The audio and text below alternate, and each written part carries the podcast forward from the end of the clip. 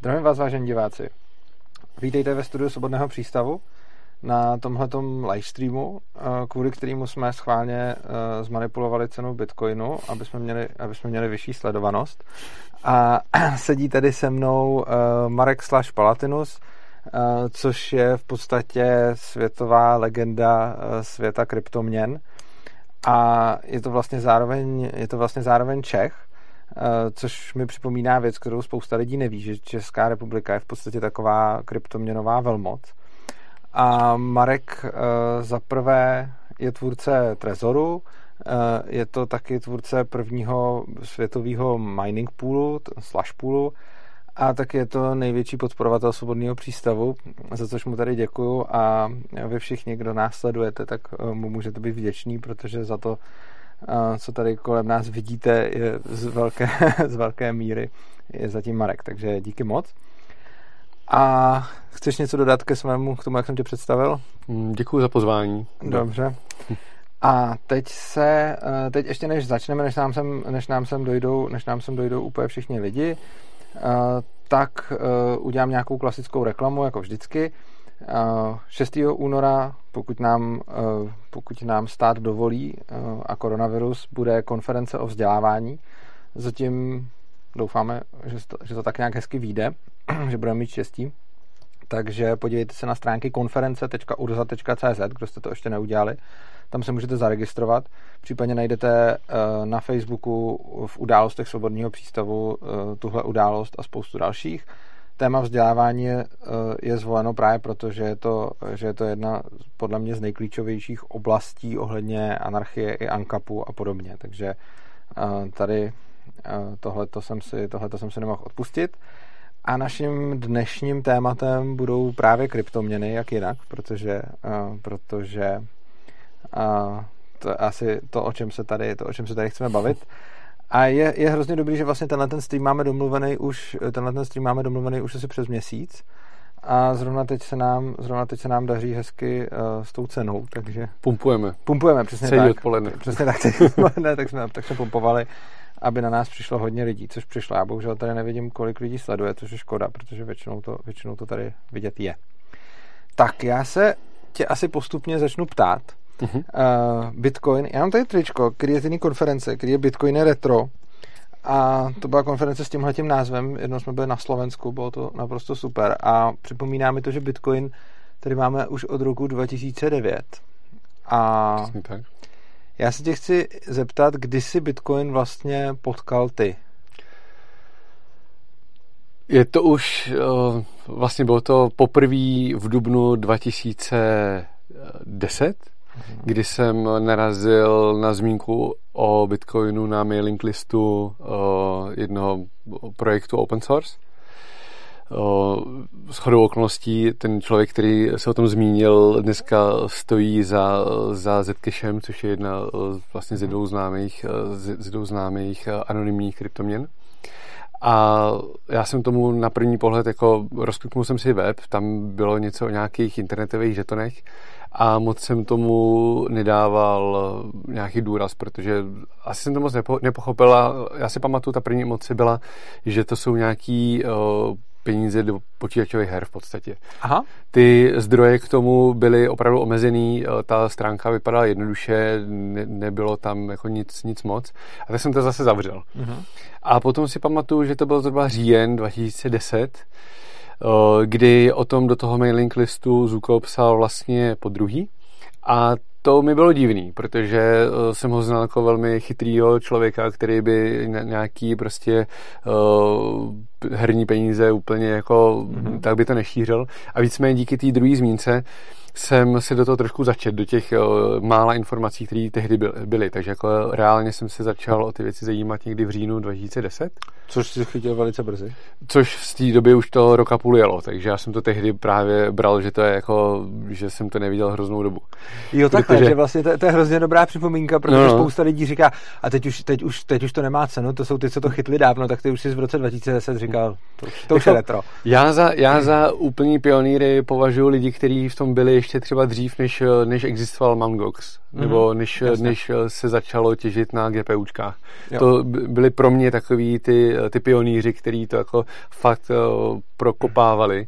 A já si pamatuju, že jsem vlastně přišel na Bitcoin Talk uh, forum, což byl tehdy jediný zdroj vlastně celosvětový, mm. kde se, kde se uh, dalo k tomu něco jako dočíst a kde byla nějaká komunita a tam jako byly víceméně už jako tisíce lidí přede mnou. Jo. Takže jsem to já naopak jako bral, takže už naskakuju do nějakého jako mainstreamu. No. Jo. To je, na, to je moc pěkný. A teď by mě prosím tě zajímalo, uh, ty si jako, jako první si teda myslel, že to jsou nějaký prostě peníze do počítačových her, potom jsi řekl, že když to někdo, komu věříš, jako propaguje jako už po druhý, hmm. Tak ses do toho nějak začet no. a e, k čemu si došel po, na, po tom prvním začtení? Co tě na tom zaujalo? Případně, jako, co jsi, co jsi řekl? Jaký byly tvoje nějaký dojmy po druhý? Tak já jsem určitě asi neměl nějaký nějaký jako aha moment nebo nějaký jako wow úplně prozření, že bych si řekl, jo, prostě mám načtený všechny ekonomické školy a rozumím politice a financím a všemu a že bych si říkal, jak, jak hrozně tohle je řešení na všechny problémy světa. Já jsem naopak k tomu jako přistupoval velmi pragmaticky, protože když jsem byl malý, respektive menší, tak mě hodně uchvátily takové ty první pokusy v Čechách na byly různé takové fazole a různě takové ty internetové peníze, eh, kde jsem jako malý kluk prostě kšeftoval s kamarádama s vším možným a samozřejmě jsem bankovní účet mít nemohl, že takže tohle byla cesta, jak ten celý systém jako obcházet. A takže vlastně jsem k tomu měl, um, vzhledem k tomu, že jsem byl vždycky jako, jako podnikavý, uh, tak jsem k tomu měl jakoby vztah k těm penězům na internetu, že mi to přišlo prostě praktický a hrál jsem si s tím i s těma jako úplně dřevníma Eh, věcma. To znamená, že když jsem jako pochopil, že to není svázaný k nějaký hře, nebo že to, že to funguje opravdu jako, že to je sice open source a decentralizovaný, ale že to jsou opravdu jako, je to forma peněz, tak mě to vlastně, jsem naskočil tady do toho nějakého chápání. Mm-hmm. A musím říct, že vlastně ten uh, nějaký politický přesah jsem uh, v tom začal vnímat až jako mnohem později, mm-hmm. kdy uh, jsem vlastně začal věřit tomu, že se to může nějak jako rozjet.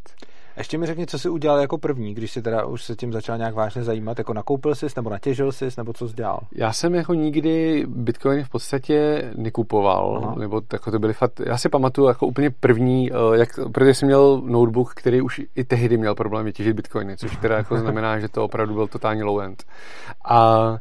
A měl jsem vůbec problém se v Čechách nějakým bitcoinům dostat. A pamatuju si, že tehdy existovala nějaká německá služba, že když jsem zavolal na nějaký placení německý číslo, že, nebo poslal SMS nebo něco takového, že to za strašný ripov, za obrovský přeplatek jsem zaplatil asi 50 centů za jeden bitcoin a to tě pořádně odrbali. No to mě hrozně odrbali. A takže jsem si koupil prostě uh, takhle nějaký, uh, nějaký jako první testovací a zkoušel jsem si to poslat jako z počítače na počítač. Vůbec jsem tomu jako um, nějaký konfirmace, to nikde jsem nevěděl, co to je. Ten mm-hmm. software byl totálně dřevní, vůbec nikde jako nebylo nějaké vysvětlení, žádný wiki, neexistovaly žádné zdroje, byly tam prostě lidi se bavili na fóru, jak to asi funguje. Jo. Jo. Já jsem třeba ještě zažil Satoshiho, že dokonce mám i nějakou uh, základní uh, konverzaci, jako myslím, že mi dokonce odpověděl nějaký mail, nebo byl jsem minimálně nějakým threadu, kde jako uh, Satoshi reagoval, tak jako ale samozřejmě jako lidi se hlavně bavili jako mezi sebou a nikdo to nechával v podstatě. Ještě by mě zajímalo, teď se dostal právě ke konfirmacím, eh, tak než bych dal takový malý okýnko, já bych tohle to moc rád prokládal tím, že budeme lidem vysvětlovat vlastně, hmm. vlastně o čem se bavíme. Takže než vysvětlíš konfirmace, tak jenom vybídnu diváky. Pokud uh, něco, co říkáme, nebo hlavně co Slaž říká, by vás zajímalo, tak mi se můžete poslat eh, dotaz do chatu, můžete se zeptat. A pokud si myslíte, uh, že máte nějaký fakt jako třeba komplikovanější dotaz a chtěli byste si pokecat, tak můžete uh, si přidat Skype uh, Svobodný přístav, případně je to na mail urzanarchy.gmail.com a tam napište napřed a napište, jaký chcete mít dotaz. Eh, tam u toho Skypeu sedí Tereza, ona se s váma pobaví a případně nás může, eh, případně nás může, eh, případně nám dá signál a může nás přepojit do studia. Takže tohle to je zatím pro vás a ty, když tak pověz tak nějak, aby lidi věděli, co znamená vlastně konfirmace. Říkal si vlastně, že si posílal z počítače na počítač bitcoiny, mm-hmm a k čemu si vlastně potřeboval konfirmaci. Zkus tak nějak pro, pro lidi, co vůbec netušejí. Tak v podstatě Bitcoin nebo obecně kryptoměny založené na blockchainu fungují tak, že vlastně je to decentralizovaná síť počítačů, což jsou, což jsou což je vlastně software, software běžící na těch počítačích, který můžou být jak jednotlivé peněženky, jako uživatelské peněženky, anebo i potom počítače, které nějakým způsobem přispívají výpočetním výkonem právě pro běh eh, té sítě, protože Bitcoin nemá nic jako centrální datacentrum, jako má třeba eh, běžná banka, že má prostě někde Vault a v tom, je, v tom jsou tisíce počítačů, který mají databázy a eh, evidují tam ty zůstatky. Tak vlastně Bitcoin jako síť funguje tak, že si pronajímá tenhle výpočetní výkon na to ověřování od těch dobrovolníků, který tu síť provozují a za to dostávají odměnu. A já v podstatě, eh, když jako uživatel udělám eh, transakci eh, z jedné peněženky na druhou, tak vytvořím jakousi datovou větu, to je ta samotná transakce, kterou digitálně podepíšu svým privátním klíčem, to je ten vlastně proof of ownership, to je ten proof toho, že já ty, ty peníze na tom účtu vlastním a tuhle transakci pošlu do sítě a tu síť eh, si vlastně odchytávají ty uzly, které ty transakce potvrzují, dělají na tom eh, nějaké matematické, eh, matematické výpočty. Pro ty, kteří vidí trošku víc, tak tam vlastně je to proof of work, je tam nad tím nějaké hashování, brute force, brute force operace. A ve chvíli, kdy najdou jakousi kolizi, tady už v téhle rychlosti asi nebudu zabředávat do nějakých detailů, ve chvíli, kdy tam vlastně najdou to řešení toho matematického problému, tak se vytvoří vytvoří blok, eh, blok těch eh, transakcí, blok těch záznamů, který se permanentně uloží, respektive rozšíří na všechny ty uzly v té, v té síti a e, ten, e, ten blockchain, neboli vlastně e, řetězec těch bloků, je záznam o všech těch transakcích, které se od počátku spuštění blockchainu udály. A vlastně každý ten blok je to jedno potvrzení, které pak ten klient vidí, že vlastně po tom přiřazení do blockchainu ta transakce má jedno potvrzení a postupně, jak je hloub v tom blockchainu, tak má prostě desítky tisíc potvrzení třeba. Což mimo jiné z toho teda plyne, že když potom v tom, v tom blockchainu je něco zapsaný, tak je strašně složitý až reálně nemožný to, to potom změnit, když je to dostatečně hluboko Přesně, a nemáme k tomu dostatek výpočetního výkonu. Přesně. Což vlastně dělá z té, což vlastně dělá z té sítě uh, něco strašně zajímavého a strašně dobrýho a dávají to hmm. všechny ty vlastnosti. Já ti děkuji za, já ti děkuji za tuhle vyčerpávající odpověď. Uh, poznamenám tady uh, něco k divákům, zaprvé k otázkám. Já jsem vyzval k otázkách. A prosím vás, jediná věc, na kterou se neptejte a na kterou jste se hned zeptali, uh, jaká bude predikce cen a kdy se to zastaví a tyhle ty věci.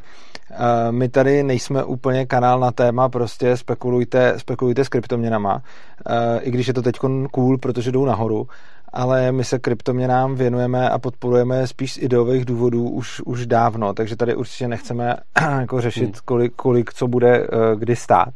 Hmm. A potom eh, ještě jednu poznámku bych tady měl na dotaz. Opravdu se někdo dívá na rozhovor se Slashem a neví, co je konfirmace, ptá se Petr Flieder. Eh, my právě hm, bychom rádi, aby se na tenhle ten rozhovor mohli koukat i lidi, kteří vůbec neví, co jsou kryptoměny a aby se to dozvěděli. A pro vás, kteří to víte, eh, tak pro vás je tady připravený to, že, se, že, že právě Slash bude mluvit o tom, o svých začátcích, co, co vůbec dělal a tak, takže tenhle ten stream je celý koncipovaný na to, aby ty kryptoměnoví matadoři vlastně si mohli poslechnout Slashův příběh a ti, kdo vůbec kryptoměny neznají, se na tom příběhu můžou tak nějak poučit o tom, co kryptoměny jsou a hmm. jak fungují. Tak, já bych tady k tomu možná dodal jen to, že mě se na cenovou predikci určitě neptejte, protože tak špatného spekulanta byste asi jen tak nepotkali.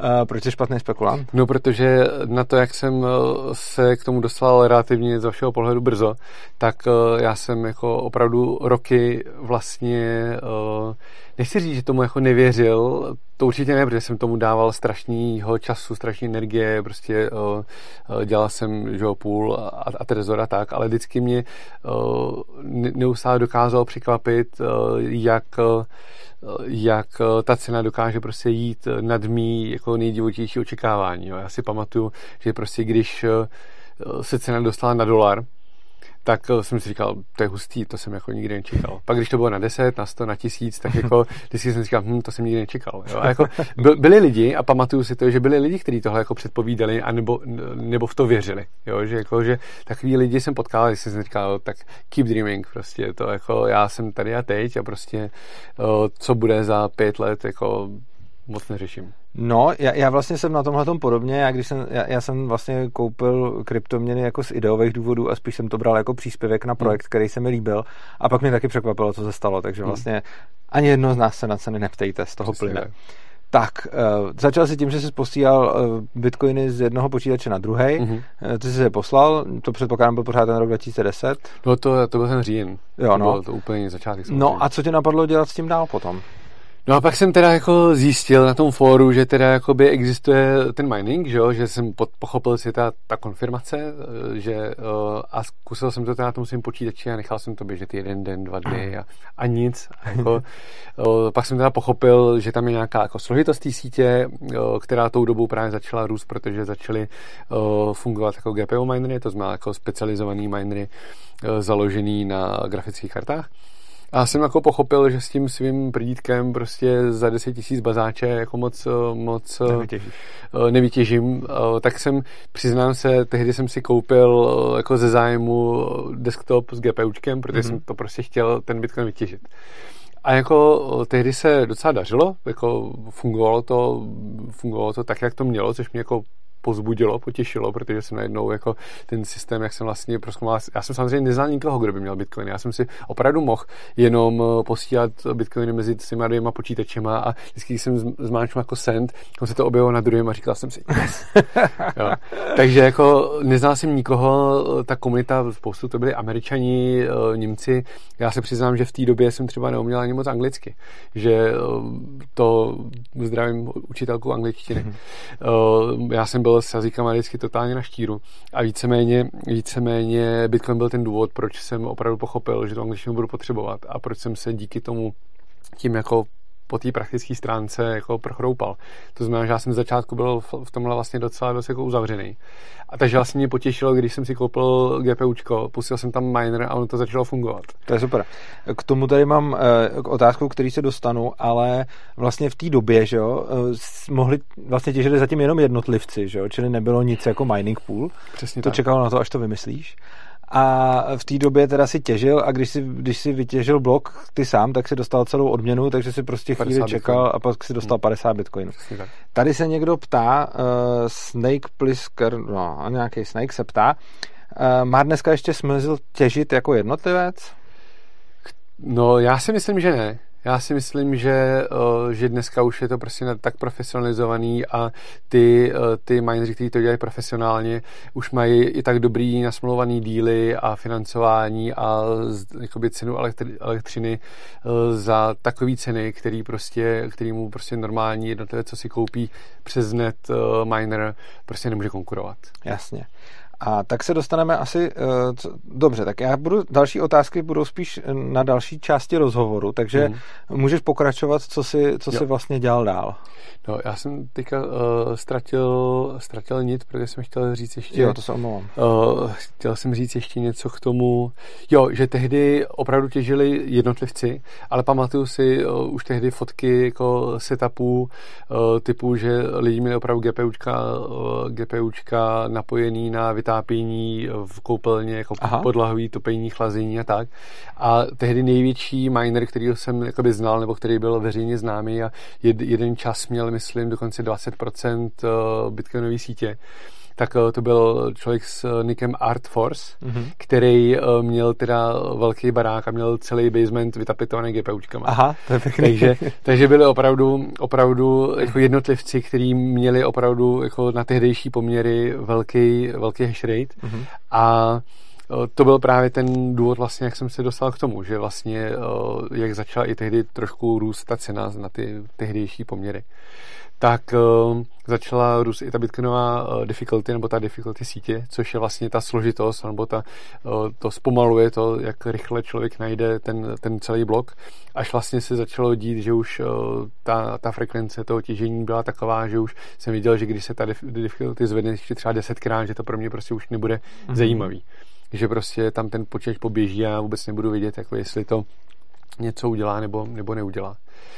A tak jsem začal přemýšlet o tom, jak udělat nějak nějaký jako spolutěžení, jak to prostě udělat tak, abych prostě uh, se mohl s kámošema spojit a mohli bychom těžit prostě dohromady a aby se, aby se ta odměna jak splitla, protože samozřejmě tam uh, nevýhoda toho designu, konkrétně Bitcoinu, je, že opravdu uh, ta odměna chodí po blocích, což je jednou za, ten blok je v průměru jednou za 10 minut globálně a musí se ta, podle té pravděpodobnosti se to rozdělí mezi všechny účastníky sítě. To znamená, že, že dokdy do kdyby bylo prostě 6 minerů, tak je to v průměru jednou za 10 minut mám blok, ale když jich je prostě 100 tisíc, tak už ta pravděpodobnost, že s tím svým počítačem něco vytěžím, je strašně malá. Já bych ti tady do toho jenom vstoupil a uvedl bych možná napravo takový oblíbený mýtus, který v podstatě vyvolávají potom často v lidech média, mm-hmm. Uh, že když se píše o Bitcoinu, tak z toho spousta lidí, kteří to neznají, získají pocit a vím to, protože se mě na to potom chodí ptát, že uh, někde jsou ty lidi, co si posílají ty bitcoiny a někde pak jsou ty těžaři, kteří řeší nějaký matematický operace mm.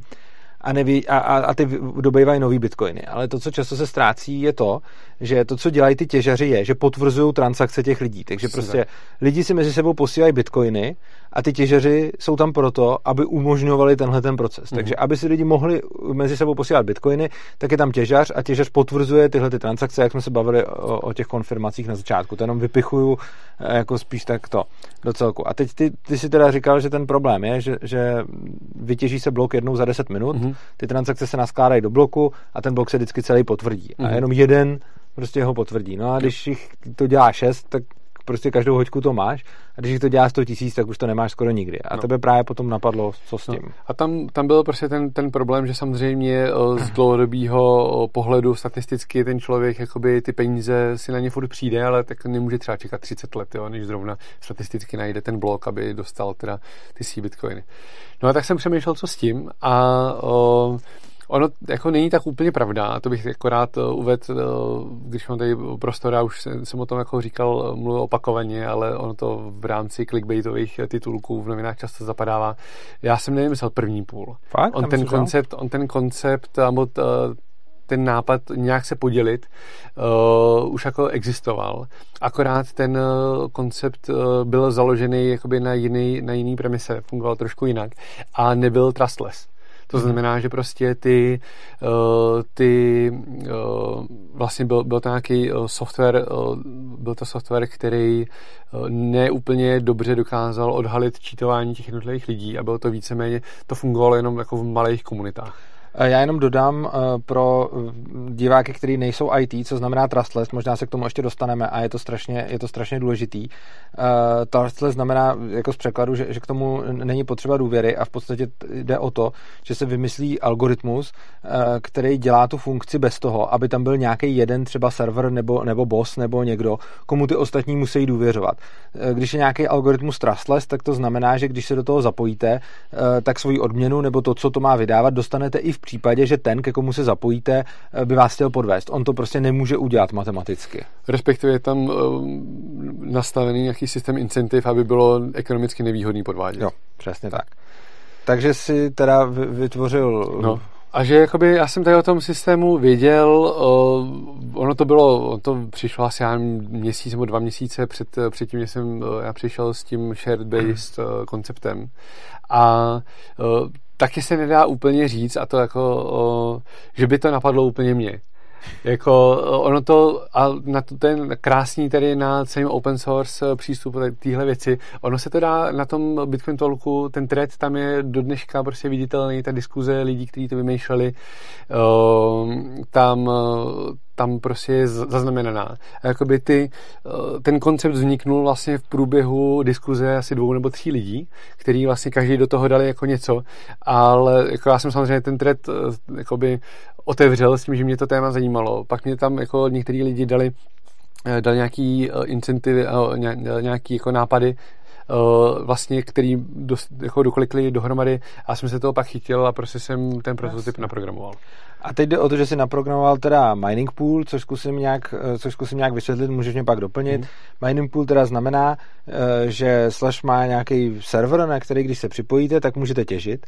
A když kdokoliv z vás všech, který tam jste připojený, vytěží nějaký blok, tak tu odměnu si mezi sebou všichni rozdělí. A podstata toho algoritmu, to, co na tom bylo to, to, to převratný vlastně, bylo, že ten, tenhle, ten, tenhle ten půl byl naprogramovaný tak, aby to bylo právě trustless, což znamená, že když to kdokoliv vytěží, tak prostě dostanete tu, dostane, dostanou všichni tu svoji spravedlivou odměnu podle toho, kolik tam dali výpočetního výkonu. A já rovnou se tady, eh, tady řeknu jednu otázku, ptá se Volter, a ptá se, není čím mining pool myšlenku bitcoinové decentralizace? To je podle no. mě dobrá otázka. To je naprosto skvělá otázka, protože je to přesně obráci kdyby uh, mining pooly neexistovaly, tak už tehdy uh, prostě by tu síť v podstatě převzali, uh, převzali uh, velký konglomeráty nebo velký minery, který prostě by uh, získali ten, ten uh, jako monopol, protože opravdu od určitý uh, mali, malosti uh, v rámci, v rámci uh, toho solo miningu by prostě bylo neekonomický spolehat na to, že já jako nikdy vůbec ten blok najdu. A takže vlastně by ten hráč jako v, tý, eh, v tom v tom ekosystému jako nebyl. A to, že existují, eh, to, to, to, že ty pole existují, tak to naopak tu decentralizaci posouvá, protože ho zlepšuje, posiluje. Protože vlastně i mnohem menší uh, ryby v tom rybníku furt můžou plavat. Ono samozřejmě, já jsem předtím řekl, že, že, jakoby si, že, si, že těžit jakoby v malém se nevyplatí, ale ono je to jako relativní, co je v malém. Jo, to je jedna věc, že si koupím od, od Bitmainu jednu, jeden přidražený, přidražený miner, který mám tady zapojený v Praze za pražský ceny. Jo. Ve chvíli, kdy toho prostě dokážu koupit kamion, nebo kontejner a zapojím to na nějaký zbytkový teplo, nějaký, na zbytkovou elektriku z nějaký teplárny nebo něco takového, tak samozřejmě už jsem relativ, furt relativně malý hráč proti tý, tomu globálnímu marketu a už se jako dostanu na nějaký, na nějaký zajímavý čísla a tam je jako potřeba, že to ty lidi fakt dělají jako profesionálně, to už se nedá dělat na koleji. Ostatně, eh, ty jsi sám vlastně říkal před chvílí, že v té době, kdy jsi tam přišel, tam byl jeden člověk, který měl 20%, eh, který měl 20% jako eh, výpočetní sílu, což přesně ukazuje, že potom, že, že potom ten mining pool vlastně tohle to mění, protože to jenom tak nějak dodám prostě pro lidi, ko, koho, by to, koho by to napadlo. Vy samozřejmě jako jeden jednotlivec, když se nepřepojíte do nějakého půlu, tak nemáte šanci dělat nic když se do nějakého půlu připojíte, eh, tak se pak dělíte o tu odměnu, ale hlavně vy ten půl můžete kdykoliv opustit, takže vy kdybyste se připojili do půlu, eh, který by začal dělat nějaký prasárny, který vám by se nelíbily, eh, tak není nic jednoduššího, než ten půl opustit a jít prostě do, jít prostě do jiného půlu. Hmm. Takže vlastně ty, ty půly dávají všem uživatelům možnost se podílet na tom rozhodování. Je to vlastně takový krásný princip decentralizované zastupitelské demokracie, hmm. že vlastně vydáte svůj výpočetní výkon tomu, komu věříte, nebo co se vám líbí, jaký dělá kroky a ten půl něco dělá a když vás ten půl naštve čímkoliv, jakýmkoliv chování, tak prostě není nic našího, než ten svůj výpočetní výkon dát jinému půlu, protože oni o to normálně konkurenčně samozřejmě, samozřejmě soutěží. Já jako samozřejmě souhlasím s tím, že kdyby uh, ten, eh, kdyby Bitcoin byl navržený tak, že vlastně ty půly eh, nejsou potřeba, že by to bylo lepší, mm-hmm. ale myslím si, že tohle je jako dobrý trade-off eh, mezi tím, mezi tou jednoduchostí designu té základní vrstvy toho blockchainu a mezi tím, že opravdu ty, ty, ty náklady na změnu toho půlu a prostě na, na tu verifikaci nebo tu auditovatelnost jsou tak relativně malý, že vlastně pragmat, čistě pragmaticky v tom jako problém, problém nevidím. Jo. Těch půlů eh, od různých operátorů, od různých firm je dneska už tolik, že si člověk opravdu, opravdu může jako vybrat, eh, s kým těží. Jo. Já tady přečtu jeden dotaz, který, který vyžaduje spíš rekapitulaci něčeho, co jsme říkali. Adam Řežábek se ptá, jestli je potřeba, aby si lidi v mining poolu věřili. Odpověď je, že dřív to potřeba bylo, ale právě eh, co, co Slash přišel s tím, s tím Slash poolem, hmm. který eh, dělá ten trustless algoritmus, tak už to, tak už to zapotřebí není. Obecně hodně věcí kolem kryptoměn je potřeba dělat trustless právě proto, že když uděláte nějaký trustless algoritmus, tak se tím uh, zbavíte tý, jako potřeby centrální algoritmy, um, centrální autority. Ještě bych chtěl říct, uh, kladete tady spoustu dotazů, celá spousta z nich je zajímavých, ale já bych rád držel ten rozhovor, aby jsme neskákali od tématu na téma, takže třeba k dotazům na Lightning Network se dostaneme později, protože teď mhm. jsme někde, teď jsme někde na začátku. A já budu vybírat takové otázky, které mi přijdou, že k tomu, co jsme říkali, celkem, celkem souvisí. Uh, tady se zase Snake ptal, uh, jo, Ptá se, dá se bitcoinová síť nějak vyřadit? Eh, pak tady sice píše nějaký třeba EMP nebo mimozemský útok a podobně. Nicméně, ta otázka, jestli se dá bitcoinová síť vyřadit, mi přijde strašně zajímavá, skoro mm. až filozofická mm. a eh, mohl by si na to odpovědět v zásadě i s tím, co je vlastně ten blockchain a tak dále. Jo tak Bitcoinová síť je v podstatě software běžící na počítačích na internetu. To znamená, že samozřejmě vyřadit se to dá. Vyřadit se to dá například tak, že se vypne internet. Ehm, pak, když člověk nechce eh, nastavit tak radikální metriky, jako vypnout celý internet jenom kvůli Bitcoinu, tak samozřejmě jsou tam věci typu nevím, filtrování provozu na nějakých portech, eh, nějaký prostě eh, firewally a tak dále. Bitcoin v dnešní podobě, ten, to, co je prostě v tom bitcoinovém klientu, se nějak ten provoz jako nesnaží obfuskovat, maskovat, nic takového. Uh, není to kvůli tomu, že by to nešlo, je to kvůli tomu, že to zatím nebylo potřeba.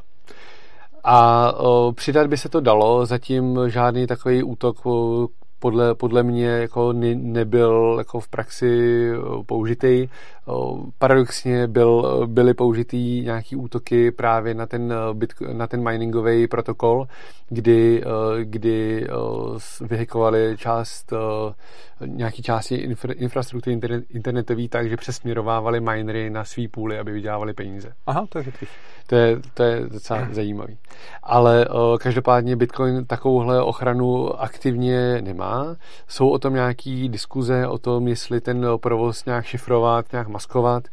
Uh, asi se tomu a priori nebráním, na druhou stranu si myslím, že by to měla být uh, role spíš nějakého nezávislého, uh, jako že by to měla dělat nezávislá vrstva a ne ten bitcoinový hmm. klient sám o sobě.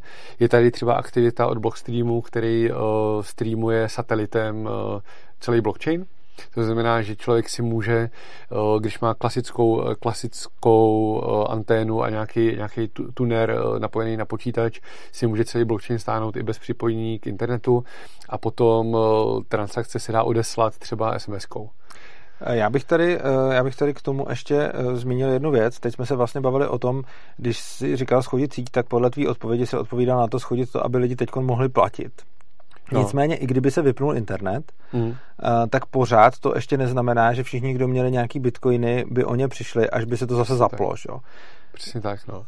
Tam, eh, tam eh, ono to má jako strašně moc, strašně moc rovin. Jako, uh, dala by se samozřejmě nějak souvisle poškozovat uh, provoz té bitcoinové sítě tak, aby se na to lidi nemohli při, připojit o filtrací, filtrací portů. Určitě ne každý je ochotný si na, na barák dát anténu, aby mohl prostě přijímat blockchain a tak dál na druhou stranu jako velkým rizikem, nebo to, na co se tady možná uh, divák ptal, bylo, že jako největší riziko, který vnímám já, je jakoby split uh, sítě. To znamená, že, že půlka, uh, že jako dvě, dvě půlky nebo dvě části té sítě na sebe neuvidí a vlastně začne vznikat, eh, dojde k, ke splitu blockchainu a začnou se vlastně rozdížit dvě, eh, dvě ty historie transakcí, tak jak je ty dvě části sítě vidí. Eh, to by se samozřejmě dočasně stát mohlo.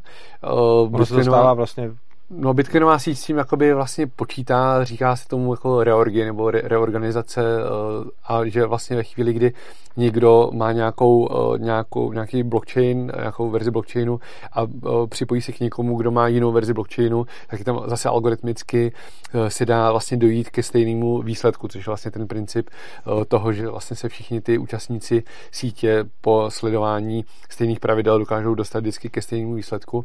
Ale takže jako technicky to problém pro tu síť není. Samozřejmě mohlo by to mít nějaký pragmatický dopady, typu, uh, typu, že prostě já zaplatím za, za barák, uh, vidím konfirmace, prostě dojde k dílu a pak se nějakým způsobem ta síť revertne a ta transakce z toho zmizí. To znamená, tam je otázka, jak moc je to pragmatický. Zatím se to stalo v historii, myslím, jenom jednou. O tom klidně ještě potom dál, dál popovídám, protože jsem v tom tak trošku měl prsty. Ale v podstatě se považuje cokoliv, co má za šest a víc konfirmací, jako totálně jako neprůstřelný. Jo. Tady máme ještě jeden dotaz, který s tím souvisí. Dušan About Bitcoin se ptá, otázka pro začátečníkov. Proč nemusíme věřit tvorcovi Satoshimu, eh, že Bitcoin funguje jako má a nevě ho vypnout? Eh, ukradnout moje Bitcoiny. Jo. Kvůli tomu, že Satoshi všechno, co udělal, zveřejnil do podoby open source kódu, který je dneska na GitHubu, může si ho kdokoliv, kdokoliv Eh, stáhnout, přečíst, ověřit, kompilovat, pustit a vidí, že prostě eh, ten kód, tak eh, kde, má, kde jsou ty pravidla implementované tak, jak jsou, že opravdu ověří ten současný blockchain do té míry, že, že ty všechny pravidla, všechny ty, ty transakce jsou platné. Na tom je právě krásný to na té decentralizaci a na tom konceptu trustless, že jakoby vy nemusíte tohle dělat. Můžete si prostě na Coinbase založit peněženku a koupit si bitcoiny tam a můžete žít úplně šťastný a spokojený život. Ale pokud chcete, pokud čemukoliv nevěříte, tak se to prostě dá opravdu ověřit až, až do, prostě do téhle opravdu jako tvrdý reality, ten tvrdý check, že opravdu si zjistím, že tam ta transakce v tom blockchainu je a že to splňuje ty všechny pravidla. A samozřejmě po Satoshim to, ten kód četlo strašně moc lidí. Prostě myslím si, že Bitcoin je dneska jeden ze softwarů, který má úplně nej, nejdrsnější peer review vůbec. To je pravda, no. Protože spoustu těch developerů jako v tom má, má vlastní peníze. peníze. No. A oni mají ten, ten, tu největší incentivu, no, aby jo, tam něco nepodělal. tak. Eh, to, tohle to je vlastně něco, co, co občas někdo, kdo vůbec nerozumí kryptoměnám, tak přijde a řekne, hele, eh, stejně Satoshi byla CIA a teď mm. už se jenom čeká, než tam rozjedou ten svůj backdoor a podobně. Mm. Vlastně tahle ta, ta, ta, taková připomínka je spíš ukázkou toho, že ten člověk vůbec jako ne, ne, netuší, mm. jak to funguje. Že to ani není, že by ty lidi tomu věřili, že to nějak, že to nebyla CIA nebo něco takového. Prostě uh, ten důvod, proč věříme tomu, eh, že tohle to se nestane, je velice podobný, proč věříme tomu, eh, že prostě matematická věta, která je dokázaná, platí. Jo, je, je, jsou, to, jsou to vlastně úplně, jsou to úplně stejné principy, na základě kterých, na základě kterých můžeme prostě tvrdit, že se, že se tohle to nestane. Hmm. Takže jako je to asi taková pravděpodobnost, jako kdyby teď někdo přišel eh, a udělal prostě trisekci úhlu v geometrii. Ono to prostě nejde, jo? A jako my víme, že to nejde, protože jsme viděli ten důkaz, samozřejmě jsme se v tom mohli jako splést, ale to, to je úplně stejný případ. Takže vlastně to, že to, že tomu věříme, je na úrovni toho, že věříme prostě vědě a hmm. matematice. Tam samozřejmě, samozřejmě eh, B k tomu je, že uh, chyba se může objevit uh, jako na strašně moc úrovních a ten ano. systém je, je geniálně jednoduchý v tom, co všechno uh, Satoshi v tom nadizajnoval a naimplementoval v tak málo kódu, ale přesto tam jako můžou být chyby. Eh, a to je jeden z důvodů, proč, a já jsem za to hrozně rád, je Bitcoin jako vysoce konzervativní a právě pro spoustu lidí je to, je to mrtvá kryptoměna, protože prostě se tam nic neděje, ale to je, to je vlastnost, to, jako to je, to je feature, to není bug. Jo. Protože uh, jako čím méně změn, tím, míň, tím menší riziko, že se tam zanese právě nějaká jako nepěkná, hezká věc. Já s tím vlastně velice souhlasím a mám, mám na to podobný názor a proto vlastně se mi přesně ta, ta síť líbí. A i se mi líbí to, že k Bitcoinu existuje jako spousta konkurence, protože ta je žádoucí a zároveň si myslím, že ten Bitcoin má tyhle, ty, tyhle ty skvělé vlastnosti, které z něj, dělá, který z něj dělají tu, tu jedničku. Uh, dál uh, nemám bohužel uh, prostor číst všechny, všechny dotazy, takže z nich hmm. fakt jako vybírám to pro diváky, snažím se vybrat ty, ty nejzajímavější a nejsmysluplnější. Můžeme se posunout dál od toho, když si teda vytvořil první mining pool, mm. co, co si dělal potom, kdy to bylo, co se dělo pak? No, první blok uh, v rámci půlu jsme vytěžili 16. prosince 2010, mm-hmm. což bude brzo, brzo přesně, přesně 10, 10 let. let. A já musím říct, že, že tak, jak jsem říkal na začátku, že jsem jako vůbec, uh, že jsem špatný investor, spekulant a všechno a že jsem prostě, že jsem jako nenakoupil a ne, nehodloval dostatečně od začátku, tak já jsem i tohle celý dělal jako prostě hobby. Já jsem chodil normálně do práce od 9 do 5 a protože jsem zrovna skončil školu, tak jsem měl jako dlouhou chvíli a nevěděl jsem, co dělat, tak jsem si tohle začal dělat jako hobby.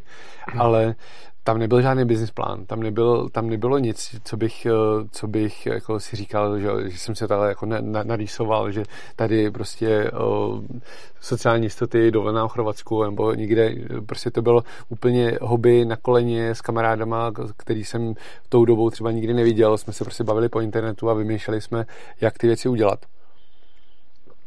A byla to jako, musím říct, velká velká jízda, ale samozřejmě uh, jako jsem neměl žádný plán. To znamená, že prostě ze začátku jsem to pustil jako, jako službu s nulovými fíčkama. Mm-hmm čistě jako komunitní záležitost. Já si pamatuju, to bylo někdy v únoru 2011 nebo kdy, tak vlastně lidi mi začali říkat, hele, to je, to je divný, jako dokdy tam nedáš nějaký poplatky za, za ten mining, tak my u tebe nebudeme těžit, protože my ti nevěříme, jako, že to děláš jen tak jako, jen jako pro radost. Jo.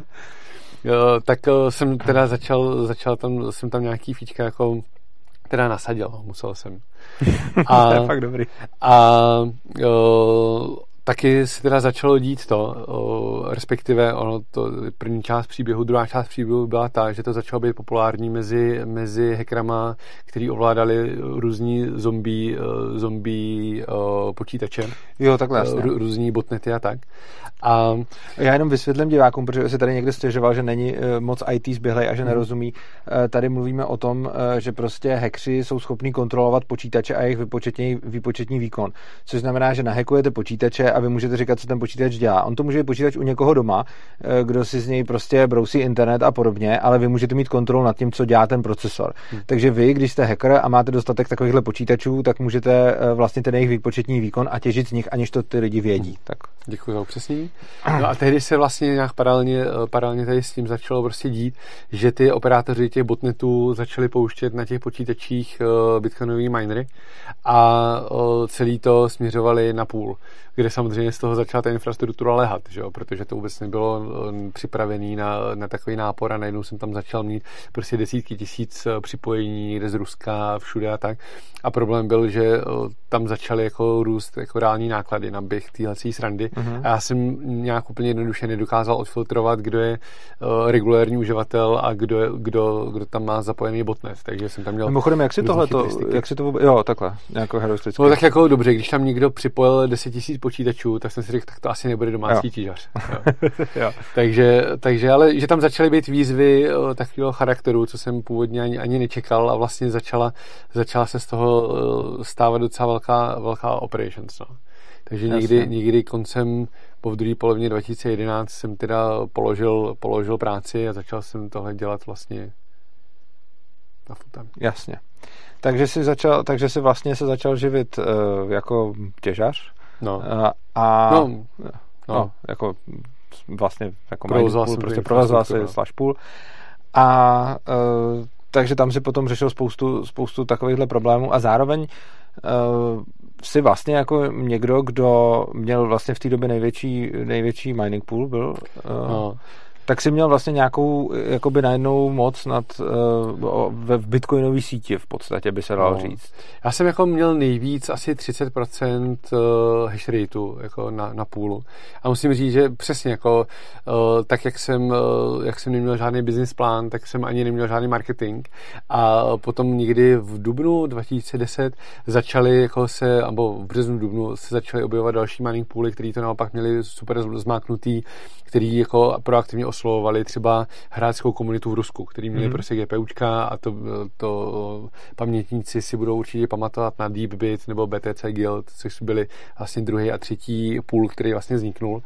A uh, já jsem to vždycky dělal tak jako načenecky, a takže jako jsem, myslím, že jsem pak byl jako druhý, druhý nebo třetí, jsme se tam nějak prali tady o třetí místo. A e, na tu tvoji otázku, jestli jsem nějak vnímal tu, tu zodpovědnost, tak jako já jsem se vždycky snažil a to mi jako zůstalo i dál jako s trezorem e, vždycky e, ty produkty nebo ty, ty nástroje dělat, aby byly co nejvíc inline, co nejvíc inline s tou bitcoinovou filozofií, aby ta, ta vrstva toho půlu nebo i toho trezoru tam vlastně dělala co nejmín, co, jakoby, co je potřeba na, na, jakoby pro delivery té služby. Mm-hmm.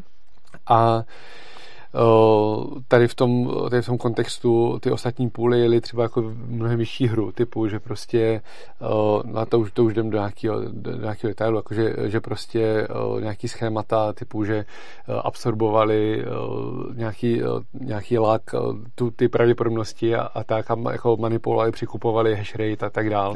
A tam, no, jakože já jsem se vlastně vždycky snažil nebejt ten člověk, který o těchto věcech rozhoduje a prostě jenom, jenom provozovat ty servery ať si prostě ty lidi těží. Jasně, dobře. Tak uh, Je ještě něco, co by si chtěl říct, než se dostaneme mm. k Trezoru, jestli je mm. ještě něco, co by si chtěl říct k tomuhle období s půlem, jestli tam bylo něco podstatného nebo důležitého? Jo, tam, tam jako asi, já už jsem tady na to vlastně dvakrát jsme, jsme na to narazili a tak, taky vlastně se to týká i té tý zodpovědnosti. Myslím, že to bylo 2012 právě chybou v, v softwaru, softwaru toho Bitcoin uzlu. Byl to vlastně rozdíl mezi verzí 0.7 a 0.8. Došlo ke splitu Bitcoinové sítě. Mm-hmm. A stalo se právě to, že vlastně vyšla nová verze eh, Bitcoinu a já a BTC Guild jsme nasadili tu novou verzi a zbytek sítě, včetně teda většiny uživatelů, jel na té staré verzi. A tam se tehdy stalo historicky, myslím si, že poprvé a naposled, že vlastně tam byl bug, díky který ta, ta jedna, už si nepamatuju, která jedna z těch dvou verzí eh, toho softwaru odmítla Eh, jednu transakci, která měla nějaké speciální vlastnosti. To znamená, že vlastně eh, my jsme eh, vytěžili a akceptovali blok, který nebyl tou, řekněme, tou ekonomickou majoritou té sítě akceptovaný a došlo vlastně k tomu, že se, ty, že se ta, ta síť jako rozdvojila a začaly se dělat vlastně ta dvojitá historie což byl jakoby průšvih, že jo? Mm-hmm. protože to vlastně popíralo ten jako smysl, smysl toho, toho koncenzu a, a, a té sítě. Já si tehdy pamatuju, je to vtipný, jak, jak tehdy byla opravdu ta komunita malá, že prostě mi, eh, mi jeden core, core vývojář prostě začal zvonit ve 4 ráno přes Skype. Já jsem jako vylez z postele, co se děje a že mi vysvětlil, že, jsme, že právě došlo ke splitu a že musím prostě uh, na serveru jako downgradeovat uh, tu, tu verzi verzi Bitcoinu, aby jsme se zase jakoby, yeah. aby jsme si zase jako sešli. Jo. Mm-hmm. Takže vlastně tehdy, já, jestli, jestli jsem vytížil 12 Bitcoinů, který jsme spláchli do kanálu, mm-hmm. protože prostě jsme jasně. se potřebovali okamžitě jako dostat na koncenzus. Na, na, tu, na ten koncenzus, jasně. Čili jste vlastně měli, jo, tohle je eh, vlastně hrozně důležité, to zase shodnu uh, pro diváky. Eh, to, že bitcoinová síť je taková, jaká je a že eh, ty bitcoiny jsou na těch účtech, na kterých jsou, to vyplývá z koncenzu těch uživatelů a těch, eh, těch, těch všech, co to používají. A když se nějaká velká část najednou začne shodovat na něčem jiným, tak začnou existovat vlastně vlastně jako dvě bitcoinové sítě a k tomu se určitě ještě dostaneme, protože od, od Bitcoinu se pak odforkoval Bitcoin Cash a Bitcoin Gold a podobně.